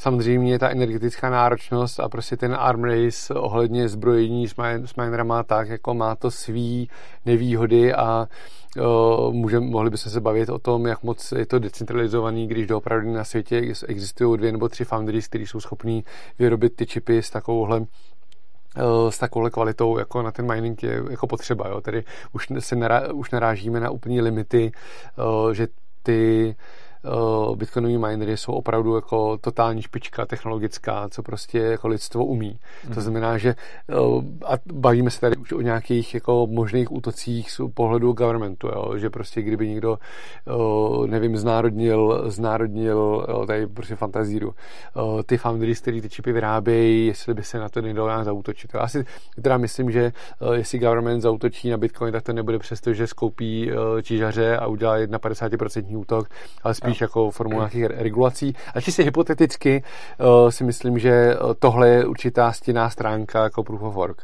Na druhou stranu to má některé eh, zcela zásadní výhody, a respektive Proof of Stake má uh, některé jako nevýhody a to je za prvý bootstrap toho, že jakoby uh, Proof of Work je totálně nediskriminační, že se tam mm-hmm. může zapojit, zapojit kdokoliv, až na ty limity, to jsem jako teďka říkal, ale že se může zapojit kdokoliv a hlavně je to jako živý organismus, kde ty, ty operátoři, ty manažeři spolu neustále soupeři. Zatímco u Proof of Stake existuje samozřejmě riziko, že prostě, že to, centr, že to dostředuje tu, tu moc a představa, že by na Bitcoinu byl proof of stake a tehdy prostě hacker, který vyounoval Mt. Gox a dostal 800 tisíc Bitcoinů pod svoji kontrolu, tak uh, samozřejmě teď, Najednou, uh, tehdy to bylo riziko reputační a jako nějaká manipulace z pohledu uh, z pohledu třeba ceny, ceny kurzu, že prostě to došlo k nějaký oslabený důvěře, ale nebyl to problém pro tu síť jako na té technické úrovni. Jo. A tohle jsou právě ty rizika, který vidím u těch různých variant proof of stake. Přiznám se, existuje těch modelů strašně moc, jsou různí hybridní a tak. Nejsem na to úplně odborník. Mm-hmm. Každopádně samotný koncept toho proof of stake eh, je, má tu slabinu eh, v tom, že vlastně se tam míchají ty incentivy a vznikají tam nový vektory útoků, které u Bitcoinu jako z principu nejsou možné. Ano, pak jsou ještě nějaký taky ty proof of space a proof, proof of všechno. No, tak to je víceméně, eh, ten arm race nebude o tom, že člověk kupuje, kupuje asiky, ale disky. No. Jasně, no. Eh, tady ještě upřesnění toho dotazu, já jsem ho řekl špatně, protože on už tam nebyl. Dotaz byl, zda důvod implementace Proof of Work je řešení problému double spendingu. No, jist, jistě, to je jakoby proof of work nebo i proof of stake. Ale proof, to je proof of cokoliv, je řešení proof problému double spendingu. Cokoliv řeší, řeší vlastně nějaký algoritmus, jak se obě Eh, jak se víc stran, který si vzájemně nevěří, eh, shodnou na, na nějaký jedný eh, variantě té historie. Přesně tak. Čili jako proof of work taky je jedním z řešením, ale jakože může tam být proof of cokoliv a je to, je to všechny tyhle ty proof of něco jsou vždycky řešení problému double spendingu. Přesně tak. Jinak potom tady bylo něco o nějakých voletkách, se tady lidi ptali. Je tady opakovaný dotaz Filipa Vavery, co si myslíš o Samurai volit a rovnou bychom mohli, tady se ptali někdo na Mycelium a podobně tak já bych chtěl, kdyby hmm. si to mohl nějak schrnout, nějaký své názory na peněženky, když tak. Jo. No, co se týká, co se týká, tak samozřejmě to bude jako, to bude zabarvený tím, jasný, tím, že, ale jako, jako obecně je se, se softwarovými peněženkama problém, protože na rozdíl od hardwareových peněženek nemají žádný rozumný business model. To znamená, ten, ten effort, který do toho jde, ať je to vývoj, eh, support, eh, nějaký audit, security a tak, je jak z principu, jak jsem mluvil o těch operačních systémech a o tom security modelu, tak i z pohledu nějakých zdrojů jako docela omezený. Já jsem historicky měl hrozně rád Mycelium, je to jedna z nejstarších peníženek na Androidu. Eh, mimo to, jak jsem říkal, že tam měl ten security problém, který... Já mám byl, na telefonu na placení těch kafiček. Který to byl jako spíš nešťastná souhra okolností, ale jako nebyla to chyba Mycelia, tak prostě tam je eh, to klasický, klasický problém, že prostě je to, je to software bez fundingu, měl nějaký ICO, to ten majitel majitel vytuneloval, zůstali tam nešťastní vývojáři, kteří to prostě chtěli dělat, ale neměli, neměli na to prostředky. Uh, obecně, obecně prostě ten softwarový, uh, softwarový uh, nebo ten finanční model těch softwarových valet je problém a pak je to problém pro ten celý ekosystém. Uh, samozřejmě výjimku tvoří uh, volety, který jsou altcoinový, respektive multicoinový, který ten model mají na tom, že vlastně tam lidi můžou exchangeovat ty coiny za nějaký fíčko, ale to jsou potom zase volety, které jako propagují altcoiny, Jasně. A řekněme, tam není ten, ten úplný důraz na uh, kompletní podporu Bitcoinu a všech těch vlastností, které nejsou prostě důležitý pro ten, uh, pro ten uh, business model toho softwaru. Takže, takže jako obecně si myslím, že, ten problém, že jako tam je existující problém s tou infrastrukturou. Já jakoby mimo Elektra, což není mobilní peněženka, a mimo Bitcoin Core, jako upřímně dneska ničemu moc jako nevěřím. Jako třeba Blockstream Green je docela zajímavá peněženka, kterou ale, která je jako víceméně Bitcoin only, ale bohužel ta user experience nebo prostě ta kvalita toho používání je jako dost, dost jako vachrlatá a já třeba používám Blockstream, Blockstream Green, ale asi bych to jako nedoporučil úplně třeba začátečníkům. Jo. jo takže o, co, se, co se týká o, názor na, na o, Samurai, tak jako Samurai a Wasabi jsou dva velký konkurenti, který si našli eh, model, business model v poskytování softwarových peníženek a to je vlastně CoinJoin. To je vlastně služba pro zvýšení anonymity mincí o těch bitcoinů v té peněžence a uh, vlastně jak Samurai, tak Wasabi jsou podle mě docela solidní peněženky, open source, nebo myslím, no předpokládám, že Samurai je taky open source, byť jsem to pravda nekontroloval. Uh, a Uh, myslím si, že jako zatím jsou týmy, které si zatím jakoby stojí a opravdu se snaží.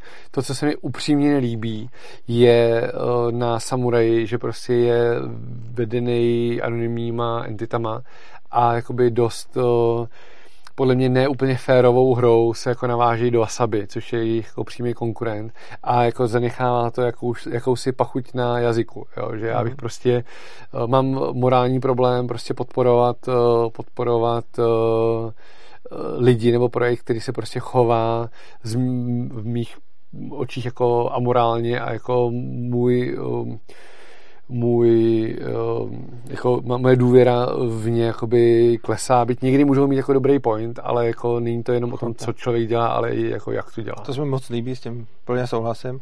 Dál tady jeden dotaz, který bych spíš rád něco uvedl na pravou míru a pak ho taky položím. Marek Nekola se ptá, je pravda, co říkal Urza, že zaměstnáváte lidi, co se snaží prolomit konkurenční peněženky?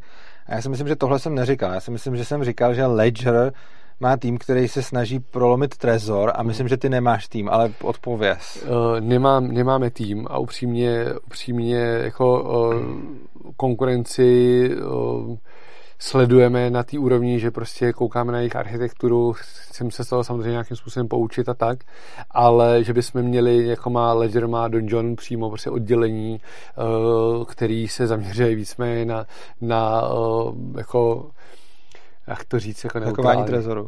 No, no, hackování, oni jako hackují kde co, ale jakoby eh, nejsem si úplně jistý s jejich, eh, s jejich eh, jako opravdu motivací, protože ta, komunikace jejich PRová potom s tím je jako někdy, řekněme, otazná, ale jako tady zacházím na ten let, protože to se to samozřejmě týká jako mě a mýho biznesu, tak jako asi, asi ne, do toho se nebudu nějak víc zanořovat. Ale my nic takového nemáme, protože opravdu eh, ty naši, ten náš effort eh, dáváme do zlepšování svého vlastního produktu. Dobře. A jako ty o, filozofické rozdíly mezi, ať je to prostě Trezor, ať je to Ledger, ať je to Cold Card, jsou prostě trošku, trošku jiný a já jako nikomu, že používá Ledger, jakoby neberu, protože prostě to děláme tak nejlíp a z našeho přesvědčení prostě tak, jak si myslíme, že je potřeba a přesně jak říkal, prostě volný trh, tak jako ať si lidi kupují Ledger. já uh já zase naopak řeknu, a to by se tady mohlo říct, když už jsme tady na volném trhu, eh, pro podporovatele přístavu, eh, když si budete kupovat Trezor, tak budete tím zároveň podporovat našeho největšího podporovatele. Ale eh, pomalu už se dostáváme, pomalu už se dostáváme k závěru. Mm-hmm. Já teda vyzvu lidi, pokud chcete se ještě na něco zeptat, tak se ptejte. Je možný, že jsem váš dotaz přehlíd a je možný, že jsem ho přehlíd opakovaně, za což sorry, protože prostě je vás tady 400 pade a já to, já to zdaleka nestíhám číst všechno, takže zejména sorry nějakým uh, jako donorům, který se na něco ptali, já jsem to třeba neviděl, snažil jsem se to vychytávat. A uh, pokud chcete sem zavolat, tak, tak někdo můžete. Můžete napsat na ten, můžete napsat na ten Skype svobodného přístavu urzanarky.gmail.com uh, gmail.com nebo svobodný přístav vyhledáte na Skypeu, napíšete Tereze, Tereza vám se s váma pobaví o tom, na co se chcete ptát a když tak vás tady mi dá znamení a propojí vás do studia. A poslední téma, mm-hmm. který bych nějak otevřel, by bylo spíš jako co bychom teď řekli lidem a myslím, že teď ono je to aktuální. Já bych se na to, nevím, jestli bych se na to zeptal, kdyby teď zrovna zase nezačínalo další šílenství kryptoměnový. Eh, co bychom řekli lidem, kteří třeba uvažují o tom, že by vstoupili do světa kryptoměn, že by si nějaký kryptoměny nakoupili, co bychom doporučili lidem, kteří to vůbec neznají. Teď určitě tam je, je spousta anarchistů, kteří znají kryptoměny, ale mm. ještě jako nemají, ale třeba o tom uvažují. Cokoliv jim řekni. Jo.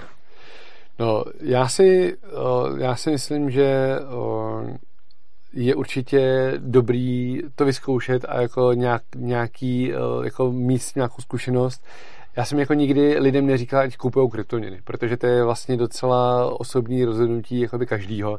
A myslím si, že to, co je naopak jako spíš problém, že většinou jsem ty lidi jako odrazoval, když jsem měl pocit, že na to jako nejsou ready. Mm-hmm. Ale myslím si, že nějakou zkušenost eh, je dobrý mít a jestli jako do toho člověk dá pětistovku, pět tisíc, padesát tisíc nebo pět milionů, je prostě na eh, možnostech a, a teďka nemyslím hlavně finančních, ale hlavně psychických možnostech jako o, eh, každýho, každýho člověka. A myslím si, že to je jakoby zajímavý svět sám pro sebe a že prostě to jsou věci, které uh, člověk jako do si jako nevyzkouší a ne, ne, nedostane se do toho světa nějak víc tak jako se to asi těžko jako předává. Na druhou stranu, je, jak už jsem vlastně jakoby nakousnul, je to totálně jako divoký západ. A nevěřte jako nikomu. Celý Bitcoin je založený na tom, že nemusíte věřit nikomu, tak to pro boha nedělejte. Přesně tak, to se, tohle to se mi líbí. Já osobně prostě uh, bych to spíš řekl jako z toho svého pohledu. Uh, pro mě byla jako investice do krypto mě ani nebyla investice. Pro mě to hmm. byla podpora anarchistického hmm. projektu. A úplně stejně, jako jsem dával své prachy na vydání lidského jednání nebo prostě tak podobně, nebo rozbardova manifestu hmm. svobody a tak, tak jsem úplně stejně nakoupil bitcoiny. A když jsem to dělal, tak to bylo přesně tohle. Prostě líbilo se mi, že někdo konkuruje státu. Hmm. Tak jsem si řekl, podpořím ho svýma penězma. A že to potom hezky vyšlo, bylo jako nice, no. ale víceméně, vlastně i kdybych o všechno přišel, tak mě jako já už jsem o to přišel v, jako mentálně v ten moment, kdy jsem to nakoupil, protože Přesně úplně tak. stejně jako podporuju spoustu jiných anarchistických věcí, do kterých dám prachy, tak tohle to byla prostě další anarchistická věc, kterou jsem si koupil a shodou okolností jsem pak na ní vydělal, ale nebyl to ten záměr jo. a šlo spíš o tohle. Takže prostě, zejména pokud nás tady poslouchají anarchisti, což se určitě děje, tak prostě pokud o tom uvažujete, dávám vám najevo tenhle ten pohled, vůbec vám neříkám dělejte to, jenom vám říkám, jak jsem to udělal já, že jsem si prostě řekl, podpořím něco anarchistického, je to hmm. prostě fajn a nakonec to bylo pěkný, ale myslím si, že skoro všichni, kdo do toho jdou s tou vidinou toho zisku. Tak si ho potom neodnášeli, nebo hrozně málo z nich si to odnášelo. Oproti tomu ty, kdo do toho šli buď s technologickým zaujetím, nebo se jim to prostě líbilo, nebo se jim to ideově líbilo, jako mě třeba, hmm tak většinou vidím, že, že, že nakonec rozhodně jako nezaplakali. Hmm. I protože potom nespanikařili, když se něco dělo, že jo. No. Protože prostě mě potom, když padá Bitcoin, tak je, no já nakupuju spíš, no, ale prostě... Ale tam je, tam je hrozně důležitý za prvý mentálně ty peníze odepsat, protože prostě ty, eh, ty ty uh, swingy, ty pohyby těch cen jsou prostě naprosto šílený. A to jako jak nahoru, tak dolů. A pokud člověk nakoupí bitcoiny a pak začne být přilepený prostě ke grafu a začne to sledovat, jestli to jde o stovku nahoru nebo dolů, tak se to prostě zmagoří. Mm. A to je první věc. Eh, a druhá věc je prostě Uh, jak ty jsi už vlastně říkal, Bitcoin je stělesnění jako ankapu v praxi. Jo. protože je to prostě na, na internetu, a já to samozřejmě jako pamatuju, nějaký začátky internetu v Čechách, byť jsem byl jako malý kluk, byla jako obrovská, obrovská svoboda a stále je svoboda, když prostě člověk chce a když, když jako si toho váží a prostě jde potom na druhou stranu, a to samozřejmě přesně to, co, co cypherpunks prostě řešili v 90. letech, že jakoby svoboda na internetu bez svobodné výměny kapitálu je prostě jako neúplná. Jo. Já prostě můžu přes internet pro někoho pracovat, ale do kdy se pak musím poprosit jako banku, aby mě ty peníze jakoby zaplatila, nebo PayPal, který prostě je takový, jaký je. A Uh, tak to jako celý, celá ta pohádka jako ztrácí nějaký, nějaký kouzlo. A Bitcoin je podle mě ta poslední o, jako kostička toho dílku, toho, toho puzzle. A to do sebe najednou zakliklo. A prostě mm-hmm. pokud někdo tu svobodu jako chce, vnímá a vyhledává, tak tohle prostě je jako esenciální, esenciální část toho.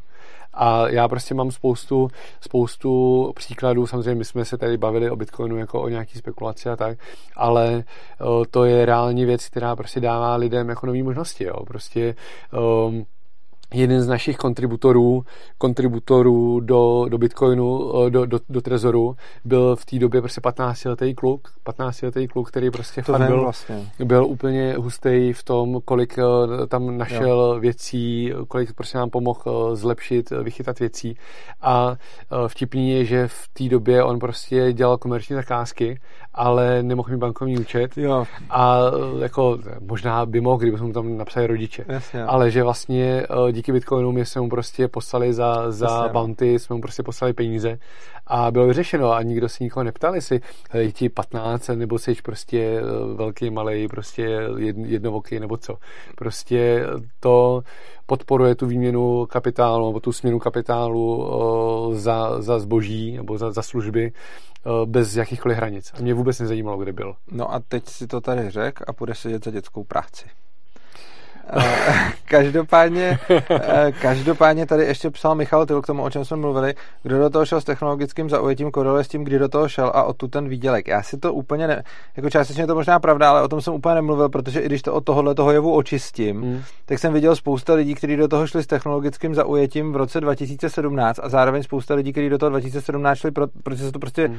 jako na tom chtěli vidět a, te, a ten výsledek byl, byl jako takovejhle. Takže i když porovnávám ty lidi, kteří do toho šli ve stejnou dobu, tak, tak stejně si myslím, že je tam velký rozdíl. Jako no. určitě tam ten pattern v tom, že z začátku to byli lidi, kteří byli hodně blízko opravdu těm hardcore technologiím, byli to různí jako Linuxoví sysadmini a tak, ten pattern tam jako určitě byl, ale i jako později se stávalo, že prostě lidi, kteří jako měli nějaký měli IT background, ale třeba neměli ten politický background, tak prostě se k tomu jako dostali až později. No, tímto zdravím Michala. Tady se ptá Ugandan Knuckles, eh, jaký má slash názor na Monero? Uh, vlastně docela neutrální. Myslím si, že po, to, to už vlastně tady, tady padlo, že uh, dávám ho na milost uh, jako před řadu všech těch jako dalších shitcoinů, co tam prostě, uh, co tam jsou. Um, každopádně já stále doufám, že téma toho soukromí se nám podaří vyřešit na, na Bitcoinu nějakou jakoby vrstvou, ať je to Lightning, ať je to CoinJoin, protože to dává z mnoha pohledů jako lepší, lepší výhody. Jo. Já nemusím řešit. Monero může být úplně skvěle anonymní, ale dokdy musím využít nějakou burzu, aby ho nakoupila a zase na zpátek, tak jako pak se bavíme o tom, uh, nějaký korelační analýzy a tak dál. Zase je to i z pohledu nějaký, uh, nějakého užívání složitější, prostě používat jednu nebo dvě, uh, dvě kryptoměny. Další věc je, že Monero sice je super jako private, ale používá nějakou bleeding edge kryptografii, kde úplně bych na tom nestavil asi jako světovou rezervní měnu. A Uh, další věci, že třeba jako jestli má Bitcoin problém se škálováním, tak Monero ho má prostě ještě ano. ořád, ořád větší. To znamená, že je tam dost důvodů uh, hledat to řešení i na Bitcoinu.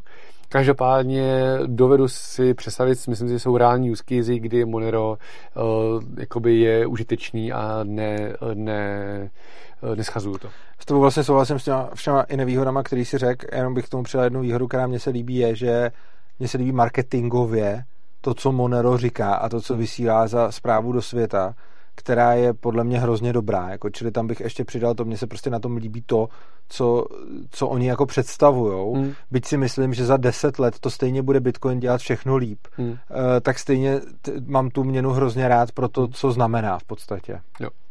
Uh, další dotaz je tady, kdo je nebo byl Satoshi a kdyby, měl, kdyby Slašna jako musel ukázat, tak kdo by to byl? A jaká je pravděpodobnost, že použije Satoshi své bitcoiny a co by to způsobilo?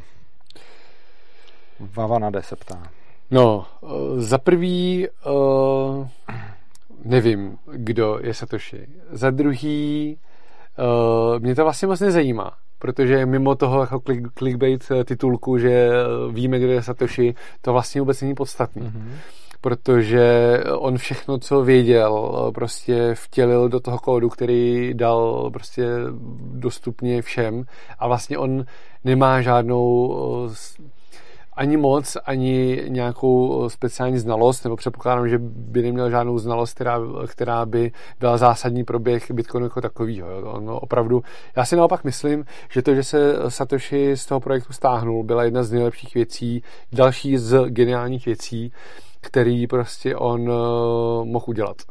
Jo. Protože to že, to, že ten zakladatel, který měl samozřejmě obrovský vliv Jo, to je to samé, jako Vitalik má vliv na, na Ethereum, protože co řekne Vitalik, tak to prostě ostatní berou, nechci říct dogmaticky, ale prostě berou to jako, že to řekl zakladatel, tak to musí být pravda. Ve chvíli, kdy se vlastně Satoshi stáhnul z toho projektu, tak posílil tu myšlenku toho, že tam není nikdo, ani, ani jakoby, kdo nemá ani morální kredit tu síť jakoby ovlivňovat. To znamená, to znamená, že si myslím, že to je uh, vlastně hrozně dobrý a že to posílilo. Uh, bylo to trošku překvapivý krok, ale že to jako tu celou síť posílilo. A za třetí, kdybych si měl typnout opravdu, kdo by to byl, tak uh, jediný, co si myslím, je, že se to je mrtvý. Mm-hmm. Já bych k tomu, mě se tady taky ptá někdo na můj typ, já to řeknu hodně zkráceně. Eh, já jsem si skoro jistý, že to je víc lidí. Já nevěřím tomu, že jeden člověk hmm. Eh, tohle to celý vymyslel, eh, protože mi přijde, že je to tak moc ekonomicky a zároveň technicky domyšlený, hmm. že prostě nevě, já věřím, že to byl tým. Já si nemyslím, že za to, že byl jeden člověk. Jo. Takže to je zase jako můj... Jako, můj jako já tady o tom nejsem přesvědčený, mm-hmm. protože on, jakoby, samozřejmě, jak už jsem říkal, je to geniální a je to právě geniálně jednoduchý ve svých jako některých eh, aspektech. Každopádně on vlastně opravdu polepil koncepty, které už tady byly známý. Jako Proof of Work byl no. známý, blockchain jako spojový seznam byl známý, ostatně Git není nic jiného než Bitcoin bez Proof of Work mm-hmm. tak eh, prostě to jsou věci, které tady jakoby poletovaly a uh, nějaký první zmínky, že Satoshi vydal ten paper 2008 a 2009 vydal implementaci, ale nikdo vyhrabal opravdu v, Cypherpunk, v Cypherpunk mailing listech, že vlastně první diskuze o tom Satoshi měl už někdy v 97. Mm-hmm, to, znamená, to znamená, že opravdu ty okay. Že Adam Beck, Hashcash, prostě implementace Proof of Work, tohle byly to byla jako cypherpunk, mailing list bylo vlastně malý hnutí prostě lidí, kteří věřili tomu, že některé tyhle problémy společnosti se, společnosti se dají vyřešit přes kryptografii a že tam z toho z dílny těchto lidí uh, vzniklo třeba PGP, uh, což je šifrovaná komunikace a tak. Uh, to znamená, že to byli opravdu lidi, kteří v tomhle byli jako velmi aktivní a jako roky a roky spolu komunikovali. A já si třeba zase jako nemyslím nutně, že to musel být nějak velký tým lidí, protože prostě když někdo něco dělá dostatečně dlouho, má ten zápal a fakt o tom přemýšlí prostě po večerech ve sprše, tak se prostě ty věci jako můžou do sebe zakliknout. Ne, neříkám, že to vylučuju, ale ani by mě nepřekvapilo, kdyby to byl jeden člověk. Jo, já tady jenom odpovím v rychlosti na dotaz Liberty Rianové, co by znamenalo, kdyby se ukázalo, že Satoshi je stát. Vůbec nic by to neznamenalo. Mohla to hmm. být CIA, by, pro Bitcoin to neznamená to uh, naprosto nic. A já tady mám jeden hrozně dobrý dotaz od Voltra. A Voltr se ptá, mě to teď ujelo. Jo. Nebojí se toho, že stát by mohly kryptoměny zakázat nebo silně regulovat? To je, to je dotaz, který už jsme tady i dřív měli a je, je to asi hmm. důležitý na to odpovědět. Jo, jako myslím si, že to je největší hrozba, která by mohla zabránit jako adopci uh, Bitcoinu. Druhá hrozba je prostě nějaký technický bug, který ale na druhou stranu, vždycky, jak to říkám, že každým dnem, kdy Bitcoin, který Funguje, Bitcoin přežije, šance, tak se snižuje ta pravděpodobnost, že tam něco takového zásadního jako bude a přesně to vychází i s, tou, i s tím, jak je vlastně jako hrozně málo proměnlivý, že je to hodně konzervativní. Ale myslím si opravdu, že zásahy států můžou být, můžou jako ohrozit tu, tu, to, to rozšíření a jako používání kryptoměn. Ale nemusíme chodit moc daleko, ono doopravdy už se to jako děje. Jo. Třeba když se člověk podívá na evropský EML směrnice, to je vlastně anti-money laundering, jsou směrnice proti praní špinavých peněz. Eh, to, to jsou přesně ty směrnice, kvůli čemu, když se registrujete do, na Bitcoinovou burzu, tak se musíte slíknout do trenek a nahlásit velikost bot vaší babičky. Ano. A tohle jsou reální zákony, které stát, jako, státy utahují, dokonce se o kryptoměnách v těchto regulacích i jako otevření píše a samozřejmě český stát v tomhle je opět papištější než papež a ta AML regulace, jak je implementovaná v Čechách, je totálně prostě eh, příšerně přísná.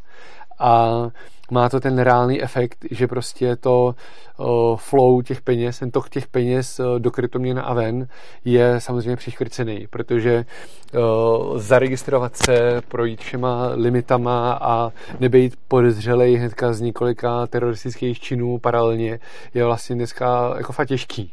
Jo, že jako člověk je prostě podezřelej už jenom tím, že si dovolí se prostě někde tam zaregistrovat. A jako nevím, jak moc je to vědomí a jak moc je to jenom totální neschopnost těch států.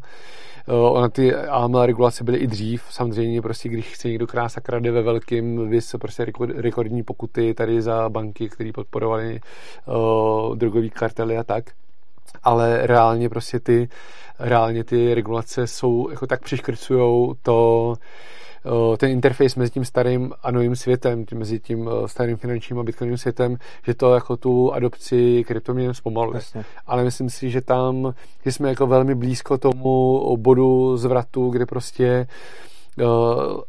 kde se stane to, že za chvíli budou všichni mít kolem sebe nikoho, kdo kryptoměnám rozumí, kdo kryptoměny má a vlastně v tu chvíli jako přestane být potřeba mít tyhle jako oficiální interfejsy. Ano.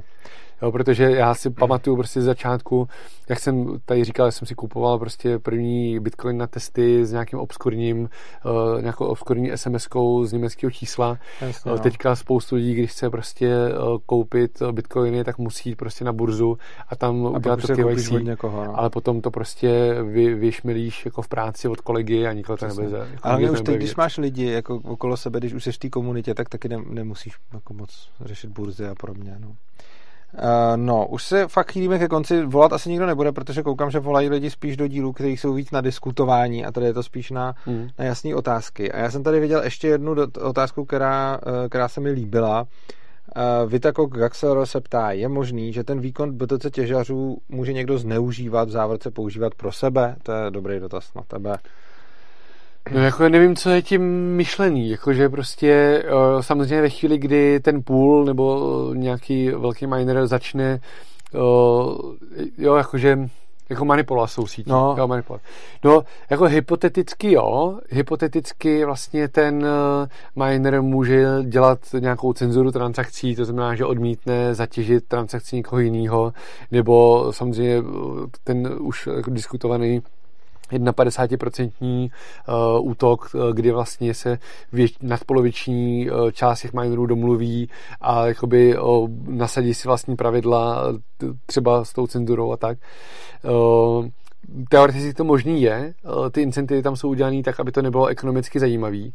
A za druhý, eh, dokdy opravdu nikdo ne, neforkne ten blockchain, takže prostě eh, úplně ne, nezačne ignorovat bloky od jiných producentů, tak vlastně stačí, aby jedna entita nedělala tu cenzuru. A ta, no, síť, ta síť bude jako furt dál fungovat jako decentralizovaně. Tak jo, asi poslední dám uh, trošku možná uh, takovou komerční na tebe. Chystá se i nějaká softwarová peněženka od Satoshi Labs. Počul jsem, že na tom pracuju, v akom stádiu to je, ak hmm. to je. Jo. Uh, uvažujeme o tom, je to na nějaký roadmapě, uh, nemám žádný termíny, nechci nic slibovat. Uh, point je prostě ten, že samozřejmě prostě o tom uvažujeme z nějakého širšího kontextu, jak jsem říkal, že uh, jako chceme jak jsem vlastně říkal o těch softwarových peněženkách, že vlastně tam není nic, co bych úplně mohl jako jedno, jednoznačně doporučit začátečníkům a pro spoustu lidí ty hardwareové peněženky jsou jako na hraní, jsou buď to drahý, byť se snažíme, aby třeba ten, ten entry level eh, model byl prostě co nejlevnější, ale chápu, že prostě když chci někdo dát 2000 do bitcoinu, tak si nechci za 15 koupit hardwareovou peněženku. Takže vlastně jako uvažujeme o tom, že bychom udělali jako side, side, pro, side projekt uh, softwarovou peněženku, která samozřejmě nebude mít takový bezpečnostní záruky, ale budou tam vtisknutý některé věci, hlavně ohledně uh, snadnosti použí, používání, tak jak to vidíme my. Protože spoustu těch peněženek, který prostě teďka je, tak oni, třeba ten Blockstream Green je vlastně jako dobrý, ale je to zbytečně složitý. Mm-hmm. A takže jako vidíme tam prostor pro něco, udělat si to podle svýho, abych prostě mohl tady říct, jo, prostě pokud teďka chcete začít, tak si instalujte tohle. Tak jo. Tak to by bylo asi uh, pro dnešek všechno. Měli jsme zase, zase dlouhý stream. Já vám moc děkuji, že jste přišli. Moc vám děkuji, že jste koukali, moc vám děkuji, že jste se účastnili, že jste kladli, že jste kladli fakt dobrý dotazy, protože to bylo zajímavý, bylo to zábavný. Mě se vám vždycky na tom streamu strašně baví. Já bych pokračoval ještě. Mě to vždycky, to vždycky strašně líbí. Uh, všem vám chci teda poděkovat, dále vám chci zase oznámit to, co jsem říkal už na začátku, tak ještě jednou na konci. 6. února pořádáme konferenci o vzdělávání. Je to asi největší akce svobodného přístavu. Eh, všechno o tom najdete na stránkách konference.urza.cz. Eh, tam si přečtete proč, co, jak a mrkněte na to, případně to i dál rozšířte. Eh, pokud se vám tenhle ten stream líbil, podpořte nás, protože jsme nezisková organizace, která nepobírá žádný peníze od státu, ani od Evropské unie, ani od nikoho takového. Takže když se podíváte dolů do popisku videa, tak tam najdete Litecoinovou a Bitcoinovou adresu, na kterou nám můžete poslat uh, příspěvek, jaký, jaký je vám libo za stream. Najdete tam i bankovní spojení, na který nám můžete poslat fiat a zejména tam najdete link opristavu.urza.cz, na kterém najdete způsob, jak nám můžete pravidelně přispívat. Najdete tam taky seznam všech přispěvatelů, na kterým je slash na vrcholu, na vrcholu žebříčku a důvod, proč potřebujeme především, eh, především pravidelné platby od vás, je ten, že když pořádáme cokoliv, jako třeba konferenci, ale ono nejenom to, i když třeba plánujeme nákup techniky, nebo plánujeme to, že někomu zaplatíme za to, aby nám s něčím tady pomohl, nebo aby, aby pro nás něco udělal, ať už se jedná o grafiku, nebo prostě, nebo prostě cokoliv, tak potřebujeme nějakým způsobem jako finančně hospodařit a potřebujeme dopředu vědět, co si můžeme dovolit. Takže i když byste nám posílali jako malou částku každý měsíc, tak je to pro nás rozhodně dobrý a snažíme se budovat náš business model přesně na tom, že nám bude spousta lidí posílat posílat malinký peníze pravidelně každý měsíc, aby potom všechny ten obsah, který děláme, ať už jsou to videa, nebo články, nebo konference, nebo cokoliv, mohlo být vždycky zadarmo, nebo, nebo za dobrovolný vstupný, protože i ta konference, kterou jsme udělali minule a kterou děláme teď, tak je pro nás strašně důležitý, aby tam prostě mohli i přijít lidi, kteří na to buď nemají, nebo, nebo za to platit nechtějí, nebo tam chtějí přivést někoho, kdo, kdo za to nechce platit. A protože takhle, takhle fungujeme, tak budeme rádi za každou vaší podporu. Takže já vám tímto moc krát děkuju, mějte se krásně, uživejte si života. Díky za pozvání a čau.